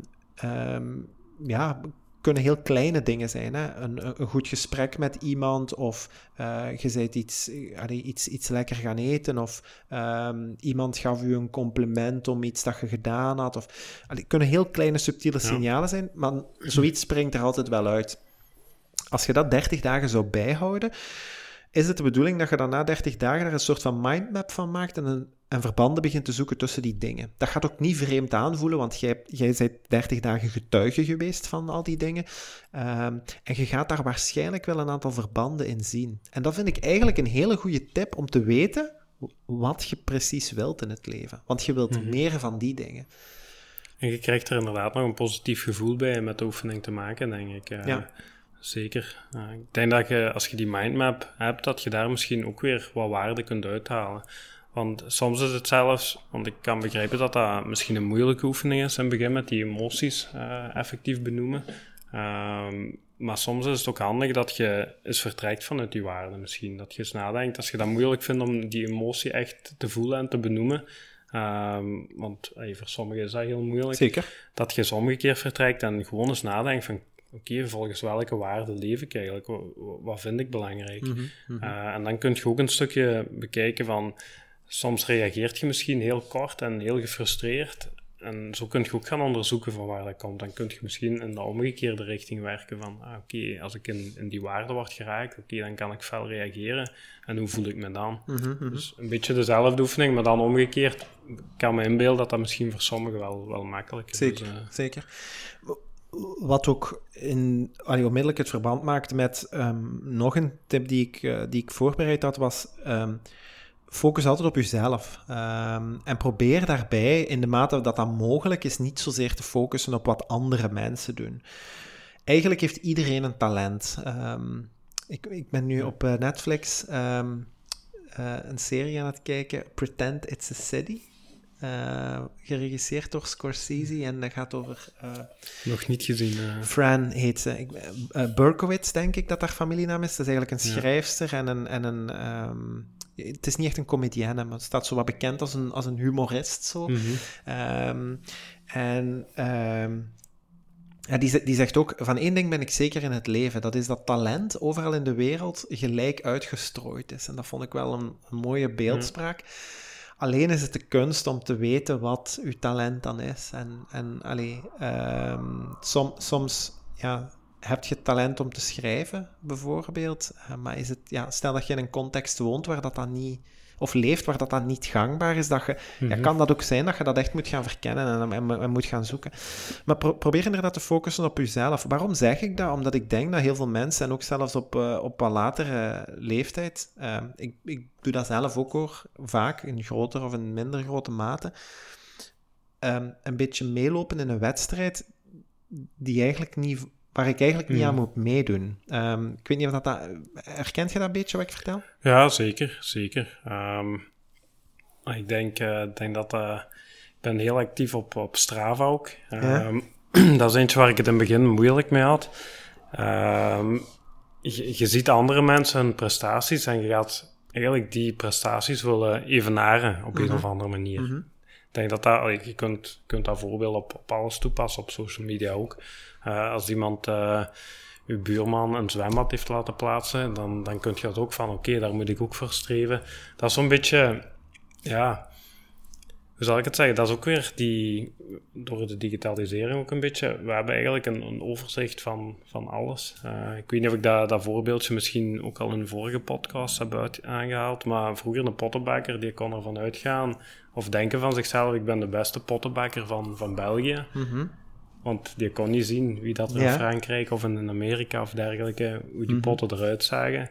Maar nu is dat heel moeilijk, hè. Want op social media, met een paar klikken, ziet je eigenlijk alle pottenbakkers van de wereld, bij wijze van spreken. En gaat je, als je daar constant mee gaat vergelijken en constant mee wilt in dat verhaal, mhm.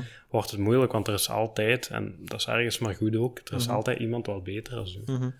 Eh, ik, ik denk ook dat zo, allee, wat voor mij bijvoorbeeld in mijn leven, hè, privé gezien, maar dat in mijn leven zo uh, iets is wat, dat ik, wat dat ik heel herkenbaar vind, is dat er wordt zo precies van mij verwacht dat ik um, een huis koop en aan kinderen begin en trouw. Terwijl ik vind dat voor mezelf, één van die drie dingen vind ik belangrijk. En dat is dat ik inderdaad een plek heb om te wonen. Mm -hmm. um, maar ik wil bijvoorbeeld geen kinderen. En ik vind uh, zo uh, hoe moet ik het zeggen, het concept van een huwelijk vind ik ook niet nodig voor mij. Maar dat heeft wel heel lang geduurd voordat ik daar onderuit kwam. Omdat iedereen, iedereen meedoet aan die, aan die wedstrijd. Uh, en en um, ik vond dat wel moeilijk. Ook omdat daar heel veel sociale druk op ligt. Inderdaad, dat is ook uh, dat is een vraag die die bij mij ook wel vaak terugkomt, zo gemerkt in, in je vriendengroep en zo mensen beginnen aan kinderen en dan krijg je automatisch die vraag zo, en, en wanneer beginnen jullie eraan? Zo, mhm. Dat is zo, ja, inderdaad, die sociale druk, dat zijn volgens sommigen ja, is dat, hoe zal ik het zeggen, bijna traditie, ja, je, je moet dat. En dat is inderdaad ook mooi, dat stukje wat we daar straks ook aanhalen, van uw eigen ding doen en zeker ook, ook in dit geval u niet laten overhalen, omdat anderen toch die druk uh, bij u leggen. Mhm, mhm. Ehm, Ja, voilà. Dat is voilà. een heel goed voorbeeld. Dus zo, ja, allee, eh, goed, goed identificeren of dat zo de wedstrijd waar dan dat je mee aan het lopen bent, allee, Mhm. spreekwoordelijk dan, of dat dat inderdaad ook je wedstrijd is. Ehm, in, in een werkcontext heb je dat ook bijvoorbeeld. Hè. Voor, voor sommige mensen is zo, hoe moet ik het zeggen? Ehm, voor sommige mensen is zo de, de hard commerciële richting bijvoorbeeld super belangrijk en die willen daar Mhm. dan de beste in worden. En ja, als, je, als dat voor u geen, niet belangrijk is, maar je gaat daar wel mee in competitie, ja, dan gaat je waarschijnlijk heel veel frustratie voelen. Ja, Ehm, en, en zit je per definitie niet op het juiste pad ook. Eh, Ja. En dat beseffen is, is perfect normaal. Hè? Allee, ik bedoel, maar je moet het wel... Opnieuw, je moet er dan wel bewust genoeg mee omgaan om het te weten. Want anders, denkt, anders gaat je daar op stuk bijten en je weet niet waarom. Mhm. is eentje die heel, heel vaak gebeurt. Hè? Ik denk, ik heb al heel, heel veel gehoord ook de laatste tijd. Ehm, ook bij mensen uit mijn omgeving. Van kijk, van, van jongs af aan wordt kinderen vaak gezegd, je moet, je moet een diploma halen. Je moet zo ver mogelijk studeren, want je moet later goed je kosten gaan verdienen. Nu, wat gebeurt er bij veel mensen? Hè, van thuis worden goed gestimuleerd om goed te gaan studeren. Voor alle duidelijkheid, er is niks mis met studeren. Ehm, maar dan zitten we wel met dat stukje je eigen ding doen en inderdaad je eigen wedstrijd lopen. Ehm, zorgen dat je iets gaat doen wat je op zijn minst wel graag doet. Ja, je komt op een bepaald moment van, eh, van de universiteit af misschien met een mooi diploma en je gaat werken en oké, ja, je, hebt, je hebt je universitair diploma, je hebt een mooi loon Ehm, en na vijf jaar heb je zoiets van, eigenlijk is het helemaal mijn ding niet. Maar wat is er dan vaak gebeurd? Ehm, we hebben een huis gekocht, eh, we hebben misschien al een gezin met kinderen. Ja. Je hangt eigenlijk een beetje vast aan het loon dat je op die moment verdient. Mhm. En als je dan iets wilt gaan doen wat je graag doet, maar misschien maar de helft verdient, kun je die stap niet zetten of je verliest heel veel andere zaken. Mhm, mhm. Ja, ja, dat is inderdaad... Ja, dat Dat sluit daar Dat denk ik wel een beetje bij Ja, aan. zeker, dat, is- zeker. dat is wat ik heel vaak hoor Mhm. tegenwoordig. Ik zeg het nogmaals, er is een tegendeel niks mis met studeren. Ehm, maar je moet inderdaad wel de vraag blijven stellen of je het echt, echt wilt en graag doet. strikt genomen, maar dat is een heel andere discussie. En ik denk dat we daar ook allee, op, op zich een aflevering op zich rond kunnen opnemen. Dat er op vrij jonge leeftijd echt wel al heel veel van u verwacht wordt. En er wordt ook verwacht dat je dan al heel veel weet. Eh, ik Klopt. heb beslissingen moeten nemen op mijn 17, 18 jaar, waar dat ik totaal niet voor in staat was eigenlijk, als ik daar ach- achteraf op terugkijk. En ik ben heel blij ergens dat ik zo maatschappelijk werk wel gevonden heb, omdat dat zo wel, dat sloot wel bij mij aan. Maar ik snap achteraf gezien, als ik terugkijk, wel waarom het secundair onderwijs helemaal niet mijn eh, favoriete bezigheid was Ja. in het leven. Ehm, Wanneer heb je voor maatschappelijk werk gekozen? Ja, ik, ben, ik heb me gespecialiseerd hè, in het secundair onderwijs. Ja. Eh, ik heb alles, eh, alles uitgeprobeerd. Ehm, ik heb ook eh, twee jaar twee keer gedaan. Niet omdat ze extra leuk waren, voor alle duidelijkheid, maar gewoon omdat... Gewoon je eigen weg gaan. eh. ja, eh, ik wou expertise opbouwen in het, eh, in het vierde jaar. En ja, ik ben dan uiteindelijk ook, ehm, want ik ben zo het, het gekende watervalsysteem ook doorgegaan. Begonnen op ASO, TSO, BSO. Maar eigenlijk, het is niet omdat ik, omdat ik vond van mezelf ook niet dat ik het niet aankon en niet, niet, mezelf niet in staat zag om dat goed te doen. Mhm. Maar het interesseerde mij gewoon niet. Ehm, er werden van mij ook beslissingen verwacht waar dat ik van dacht, ja, kijk, allee, daar ben ik eigenlijk niet mee bezig. En ehm, ja, ik heb me zo wel laten meeslepen. En eigenlijk heb ik mijn studiekeuze, om heel eerlijk te zijn, mijn studiekeuze in het secundair heb ik gewoon gemaakt op basis van, ja, waarmee creëer ik eigenlijk het meeste vrije tijd? Mhm. Dat was mijn, dat was mijn, keu allee, mijn, ja, mijn, mijn plattegrond om eigenlijk Ja. heel, mijn, heel mijn toekomst aan vast te hangen. Achteraf gezien totaal onverantwoord. Maar dan ben ik afgestudeerd als ik, eh, ik denk 1920 was, Mhm. eh, in het secundair. En dan ben ik eens, eh, eigenlijk per ongeluk, per ongeluk naar een, eh, naar een, ehm, eh, een open deurdag gegaan. Sociale school in Heverlee. Ja. En die docent, ik zie hem nog altijd voor mij staan. Ik ben alleen zijn naam vergeten. Ehm, die zag ik dan voor mij staan. En de manier hoe dat die uitlegde, hoe dat zij eigenlijk eh, les gaven, eh, en, en hoe dat het systeem daar werkte, dacht ik, hier, hier moet ik toch eens een jaar minstens komen kijken hoe dat, dat werkt. Ja.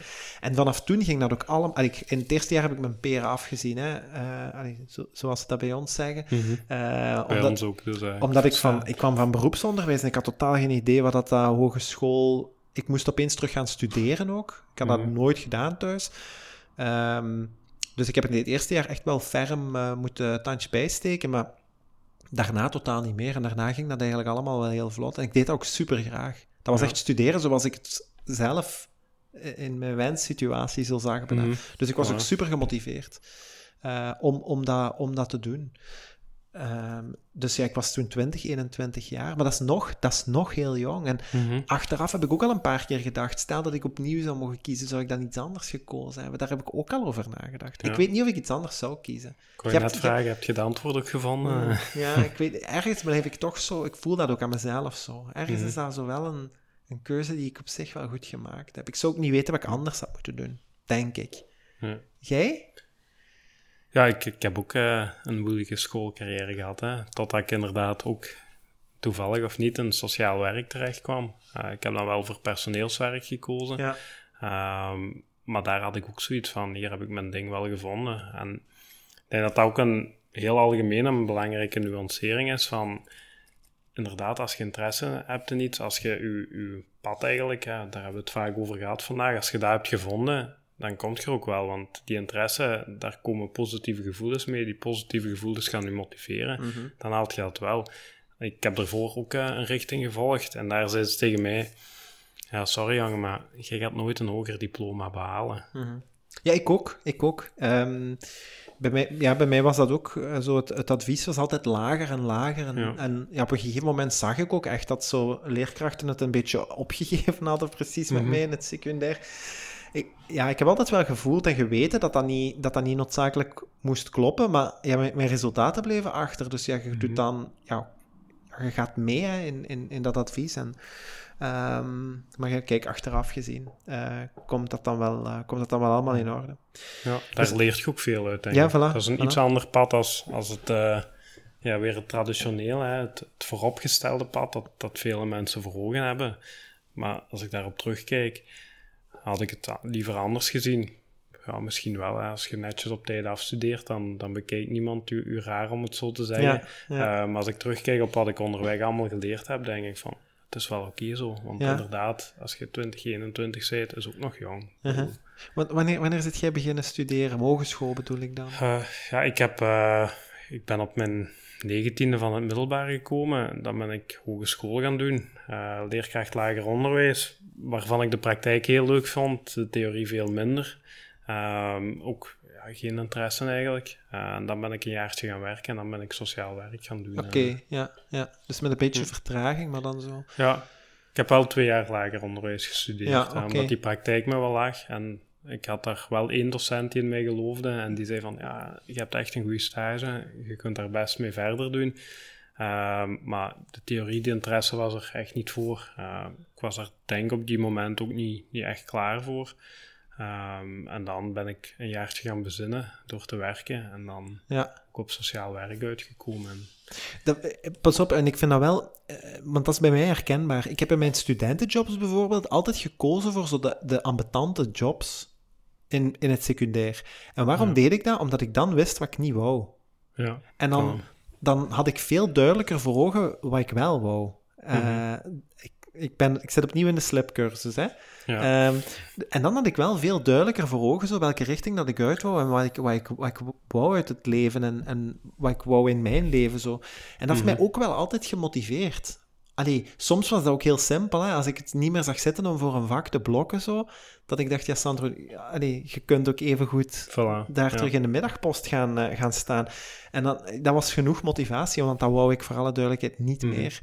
Ehm, dus ja, zo, allee, die, die ja, focus en aandacht is super belangrijk. En, en misschien zijn we dat ook een beetje verloren, denk ik nu, omdat alles sneller moet gaan. En, en, en we doen ook gewoon maar mee zo. Eh, Mhm.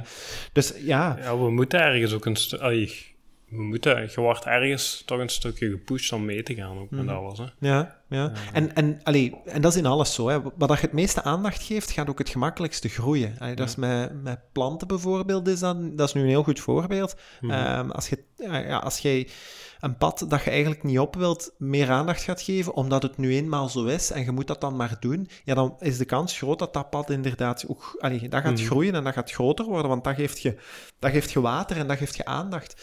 Ehm, maar soms is dan inderdaad zo'n moedige een moedige beslissing nodig, een beetje kwetsbaarheid nodig om, eh, om, eh, om, het, op het andere, om het op een andere manier te doen. Ehm, ja, ook, ook, ook hier, hè, zo die focus houden, is ook gewoon praktisch. Hè. We, hebben het, we hebben het daar al uit, uitgebreid over gehad. Zo, ik denk dat social media hier ook opnieuw een verband mee, mee heeft. Om, om, eh, want we gaan daardoor ook heel gemakkelijk afwegen met andere mensen. Wat hebben die, wat heb ik niet? Die is op Mhm. vakantie en hoe kan dat? Want allee, ik heb toch ook een job en, en ik ben niet op vakantie, dus wat doe ik verkeerd? En Ja. zo, daar, daar zit ook heel veel, heel veel twijfel in. Ehm, wat, wat dat ik als laatste tip ook heb, ehm, en ik vind dat dat ook belangrijk is in het bepalen van een pad, en eigenlijk maak ik dan een beetje reclame voor u, Olaf. Ehm, als, dat, als dat moeilijk blijft, eh, en je hebt zo heel veel aan jezelf gewerkt, zoek hulp. Zoek Mhm. ook, allee, Ja, er zeker. zijn inderdaad mensen mee bezig. Allee, jij zit nu bijvoorbeeld loopbaancoach. Ehm, Soms helpt het ook om zo'n idee of zo'n of zo'n denkoefening eens buiten jezelf te leggen en eens af te toetsen met iemand anders. Zaken waar dat je over, over denkt, spreekt en schrijft, en liefst ook alle drie, ehm, gaan ook veel gemakkelijker eh, de juiste richting in. Net omdat je er Mhm. zoveel aandacht aan schenkt. Dus of dat dan nu een psycholoog is, of een, of een loopbaancoach, of een, of een personal trainer, afhankelijk van wat uw doel is. eh, eigen netwerk, dat kunnen vrienden zijn. Allee, schakel die mensen, Mhm. schakel die mensen inderdaad, eh, inderdaad mee in. En dan komen we bij de valkuil, denk ik. Ehm, waar dat we dan tegelijkertijd ook zo naar de laatste horde van de aflevering gaan. En dat is zo, ja, we noemen dat bondgenoten. Eh, Mhm. Ik heb eh, in het maken van deze podcast en in zo het werken met deze podcast heel veel bondgenoten leren kennen. Ook voordat ik gestart ben met, eh, met opnemen, waren er heel veel bondgenoten. Maar daar zit ook een valkuil in. Omdat je denk ik ook soms moet ehm, ja, niet, niet per se afscheid nemen van bepaalde systemen, maar sommige zaken wel op de juiste afstand zetten. Mhm, Ehm, ja. Ik denk iedereen die iets onderneemt, gaat tegenwind krijgen. En je hebt je eigen interne weerstand, maar je hebt ook weerstand die buiten jezelf ligt. Iedereen kent wel een familielid of een vriend of een kennis die zegt: Ik weet niet of ik dat zou doen als ik van u was. Mhm. Ehm, en eh, we zitten op het einde van een pandemie, dus eh, ik zou toch niet zoveel risico nemen. Mhm. Allee, als je nu, ik zeg maar bijvoorbeeld je eigen bedrijf Ja, gaat, eh, gaat op. Of je zegt, ja, eigenlijk, je er straks zegt, ik ga nog eens proberen een marathon te lopen. De vorige keer had je daar toch, zou je dat nog wel, zou je dat nog Mhm. wel eens proberen. Dus dat zijn, dat zijn, ik ga niet zeggen dat, dat, die, allee, dat die mensen moeten weggeduwd worden, hè, dat die per definitie geen, geen, geen recht hebben om, om hun mening te geven. Maar zet die mening in het juiste perspectief. Ik denk dat vooral dat belangrijk is. Klopt. Het zijn meestal mensen die, die dat goed bedoelen ook. Hè. Ja. Dat, dat dat ook wel, wel klopt, wel heel duidelijk is. Ik maak vaak in, in mijn coachings ook de, de vergelijking met, met artiesten bijvoorbeeld. Ehm, er zijn weinig artiesten waarvan de, de ouders hebben gezegd van gaat je inderdaad maar naar, naar de kunstschool of, of dergelijke, of, of theater, of word je maar acteur, of oh, je wilt comedian worden, heel goed. Dat gebeurt heel zelden. Hè? Ja, ja, ik Eh, meestal is dat ook van, ja, maar daar gaat je je kost niet mee kunnen verdienen. Ja. En die mensen zetten dan toch door op een of andere manier en die komen er ook wel. Mhm, Ehm, mhm. Ik denk, allee, dat is nu een, een extreem voorbeeld. Ja, maar dat is een heel goed Maar- voorbeeld van mensen die zo... Ja, allee, niet, zeker niet altijd, hè, maar zo... Ja, ik zie dat wel, dat dat zo gangbaar genomen als ouder... ehm, ja, ge- gemakkelijker ehm, ja, moeilijk te aanvaarden is. Zo vaker... Allee, als je kind zegt, ik ga, ik ga voor, eh, voor dokter... Dat is allee, veel eh, sociaal wenselijker dan Mhm. eh, ik, wil, ehm, ik wil beeldhouwer worden. Ja. Of professioneel gitarist zelf of zo. Mhm. Ehm, Ik vond eigenlijk die marathon ook wel een, wel een goed voorbeeld. Want als ik nu terug, nu schiet me ook even terug te binnen. Toen ik beslist had van eh, ik ga die marathon meedoen. ehm, met het werk was dat dan. En ik vertelde dat dan tegen mensen in mijn omgeving. ja, ik kan niet zeggen dat die unaniem heel enthousiast waren dat ik daaraan ging meedoen. Ja. Eh, of dat die allemaal zeiden, wauw, chic dat je dat gaan doen, gaat doen. Die waren ook hier van, oh, waar gaat jij aan beginnen? Gaat je dat wel doen? En dat is toch wel, hey, dat is toch onbegonnen werk. En dat is zeker niet slecht bedoeld. Ik heb dat ook niet, niet opgenomen. Maar ik kan me wel inbeelden dat dat soms mensen kan demotiveren. Mhm. Als je een bepaald doel eh, stelt en we hebben het al in vorige podcast ook gezegd. Het is belangrijk om dat doel ook wel te delen met bepaalde bondgenoten, Mhm. dat je steun krijgt. Mhm. Maar als die dan gaan zeggen, je kunt dat beter niet doen, je hebt inderdaad die interne weerstand al, dan komt die weerstand er nog bij en vaak gaat dat je wel, wel tegenhouden. Mhm. Ik ik denk ook dat, dat, dat je zo jezelf een beetje goed moet beseffen dat op het moment dat je met zo'n pad begint, dat je gewoon automatisch ook mensen gaat aantrekken of gaat leren kennen die per definitie wat gelijkgestemder zijn. Zo. Ja. Eh, mensen die hetzelfde doen of mensen die dezelfde energie hebben, mensen die motiverend zijn. Ehm, en ik zeg maar, als ik de, als ik de eerste dag bijvoorbeeld de kunstschool zou binnenwandelen eh, allee, en ik zeg ja, ik ga ehm, mij ten volle inzetten als, eh, als beeldhouwer bijvoorbeeld. Ehm, ja, je hebt je ouders, je hebt je familie, ja, die denk ik dat daar gemakkelijker ja, wat weerstand Mhm, op is. ja. Maar daar gaat je ook inderdaad mensen van, allee, vanuit je referentiegroep wel leren kennen. Want daar zijn nog andere mensen die, die allee, beeldhouwer willen worden. En die doen dat met heel veel passie en heel veel overtuiging. En dat werkt ook wel. Dat is ook, dat is ook een beetje sociale besmetting, maar in de goede zin van het Mhm. woord. Ja, klopt. Eh, en en je, neemt, je neemt zo eh elkaar een beetje mee. Maar er is niks mis. Som, allee, eh, want voor alle duidelijkheid, ik heb dat bijvoorbeeld ook moeten doen. ehm, ik, heb, u- ik heb u dat denk ik een paar weken geleden, hebben we het daar ook al eens over gehad. Ik heb dat ook gedaan. Eh, Ik vind het ook niet, niet, niet erg om dat te vertellen, omdat ik niemand tegen de schenen stam, denk ik.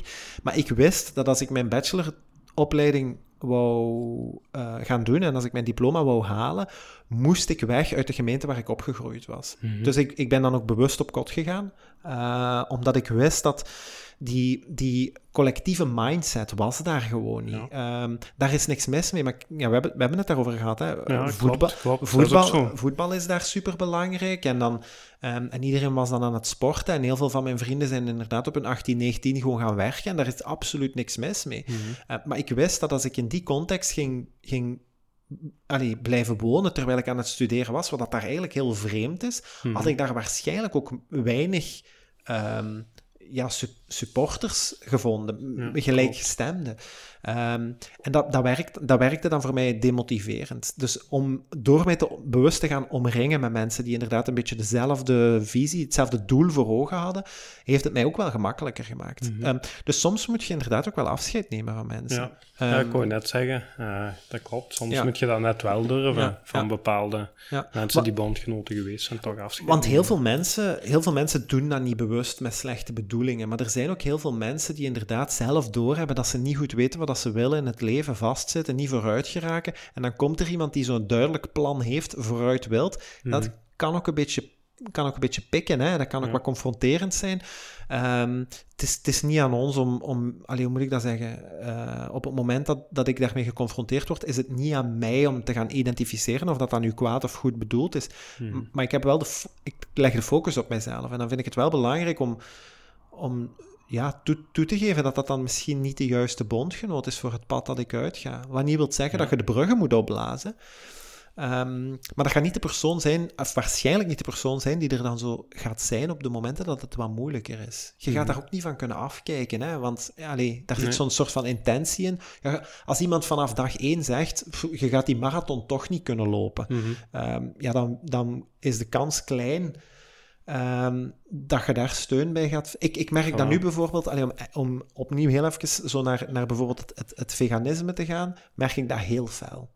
Eh, er zijn mensen die tegen mij zeggen, ja, kun je niet voor één keer normaal eten? Ja. Ehm, ja, dan de kans is kleiner dat ik daar vaak ga eten. Allee, bijvo- ja, nu kan. Ja, dat sowieso, nu kan Komt dat ook veroordelend over, hè. Ja, voilà, omdat dat, dat zijn niet mijn bondgenoten op dat Ja. vlak. En dan vind ik bijvoorbeeld social media wel een heel goed middel, omdat ik, ja, je zit in een aantal groepen waar dan mensen wel met diezelfde visie en met diezelfde eh, ja, kennis en ervaring zitten en dan deelt je daar dingen met elkaar en zo. En dan vind ik daar wel zo de, eh, de, gemeen, de gemeenschap zo in. Mhm.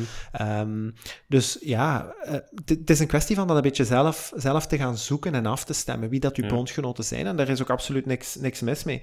Ehm, om, allee, bondgenoten, relaties in het algemeen, dus niet alleen partnerrelaties, maar ook vrienden en, en kennissen en zo, zijn ook gewoon, denk ik, super belangrijk om te kunnen groeien als persoon. Uh, alleen groeien tegen de stroming in houdt niemand vol op lange termijn. Mm, klopt. Dat is ook een beetje wat we daar straks hadden met, met die focus. Als je de focus naar het positieve legt, krijg je meer positieve energie. Dus met mensen ook, als je van je omgeving meer positieve feedback krijgt, of constant positieve feedback, ja, dan gaat je je beter voelen, je gaat meer zelfvertrouwen krijgen. Dat is heel anders dan dat je, en zeker op de mindere momenten natuurlijk, hè, dat mhm. zijn de mensen die op de mindere momenten erdoor gaan halen.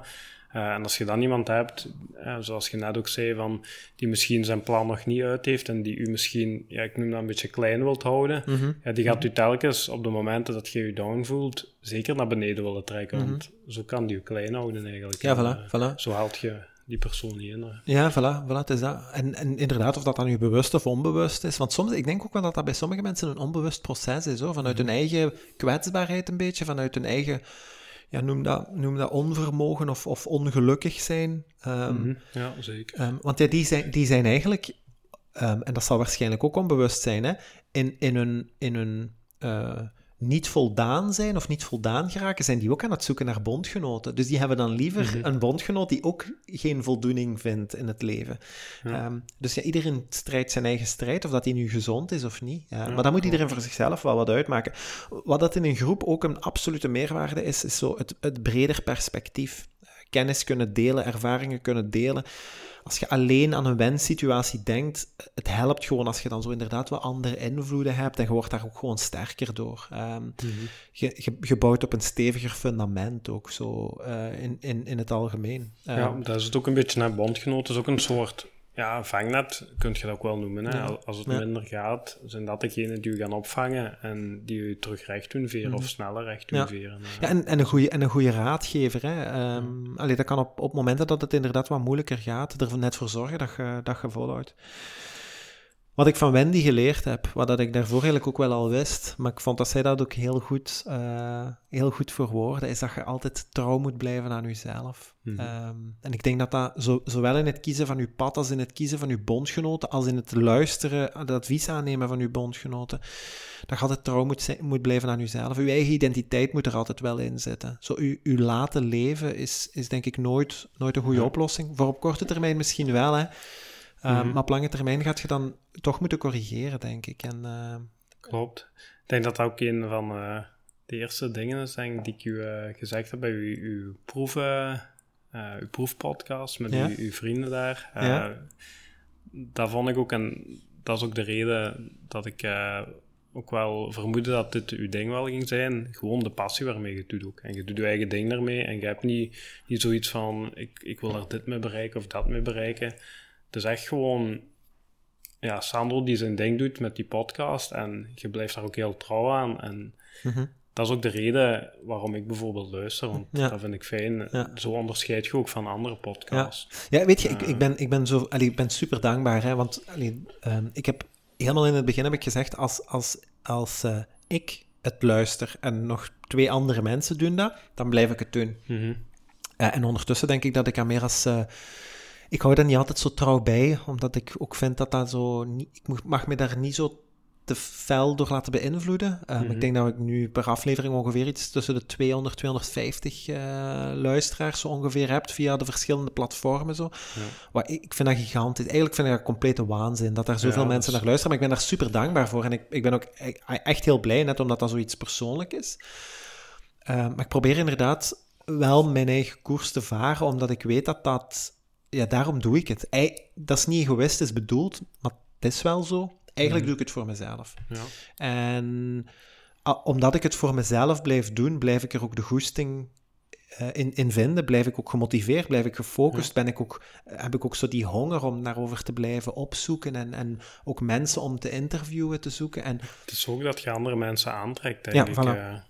Ja. Voilà. En ik heb, ik heb ergens, ik heb altijd zo die wenssituatie uh, voor ogen. Allee, neem nu bijvoorbeeld twee maanden geleden was mijn wenssituatie dat ik Steven Laurijs zou uitnodigen voor een podcast. En dan mhm. heb ik daar een aantal uh, dingen voor verlegd. Ja, en als, als het, uh, als het meezit en we gaan ervan uit dat dat zo is, um, gaat die aflevering er binnenkort, uh, er binnenkort Mhm. aankomen. Dus, Voilà, allee, en, en dan, dan ben ik super... Allee, de, de volgende aflevering, die nu van eh, Over Mensen, op, eh, ik denk 27 maart, als ik zo van buiten weet. Allee, als dit uitgezonden wordt, is die aflevering al uitgezonden. Is Mhm. Colin van Eekhout. Colin van Eekhout is absoluut mijn favoriete zanger eh, van dan, allee, mijn, mijn favoriete band. Ja, dat Ehm, wordt voor mij een grote verrassing. hè.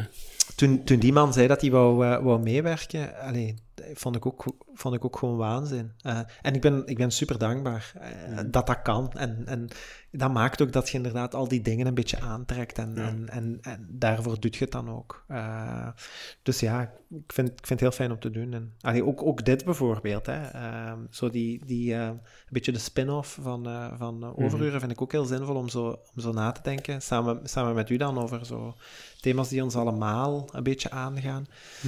En, ik ook. eh, Ik ben daar ook zeer dankbaar voor, eh, trouwens. Nog steeds. Eh, eh, en ik, ik, krijg ook, ik krijg ook absoluut feedback van mensen die daar dan zoiets mee zijn. Wat ik dan, Mhm. ook, wat ik dan ook heel mooi vind. Want daarom, dat is net het doel. Dat is net het doel. voilà. En als het, ook al is het één persoon die ik, die ik ergens. Een, al is het een steentje verleggen. eh, Mhm. in, de, in de podcast met Colin van Eekhout noemen we het een druppel op een hete plaat. Hij zegt ook, al is het maar een druppel op een hete plaat, waarom zou je het dan niet doen? Mhm. Dat is ook het omdraaien, gelijk je daar straks Ja, zei. Het voilà. omdraaien van die denkoefening.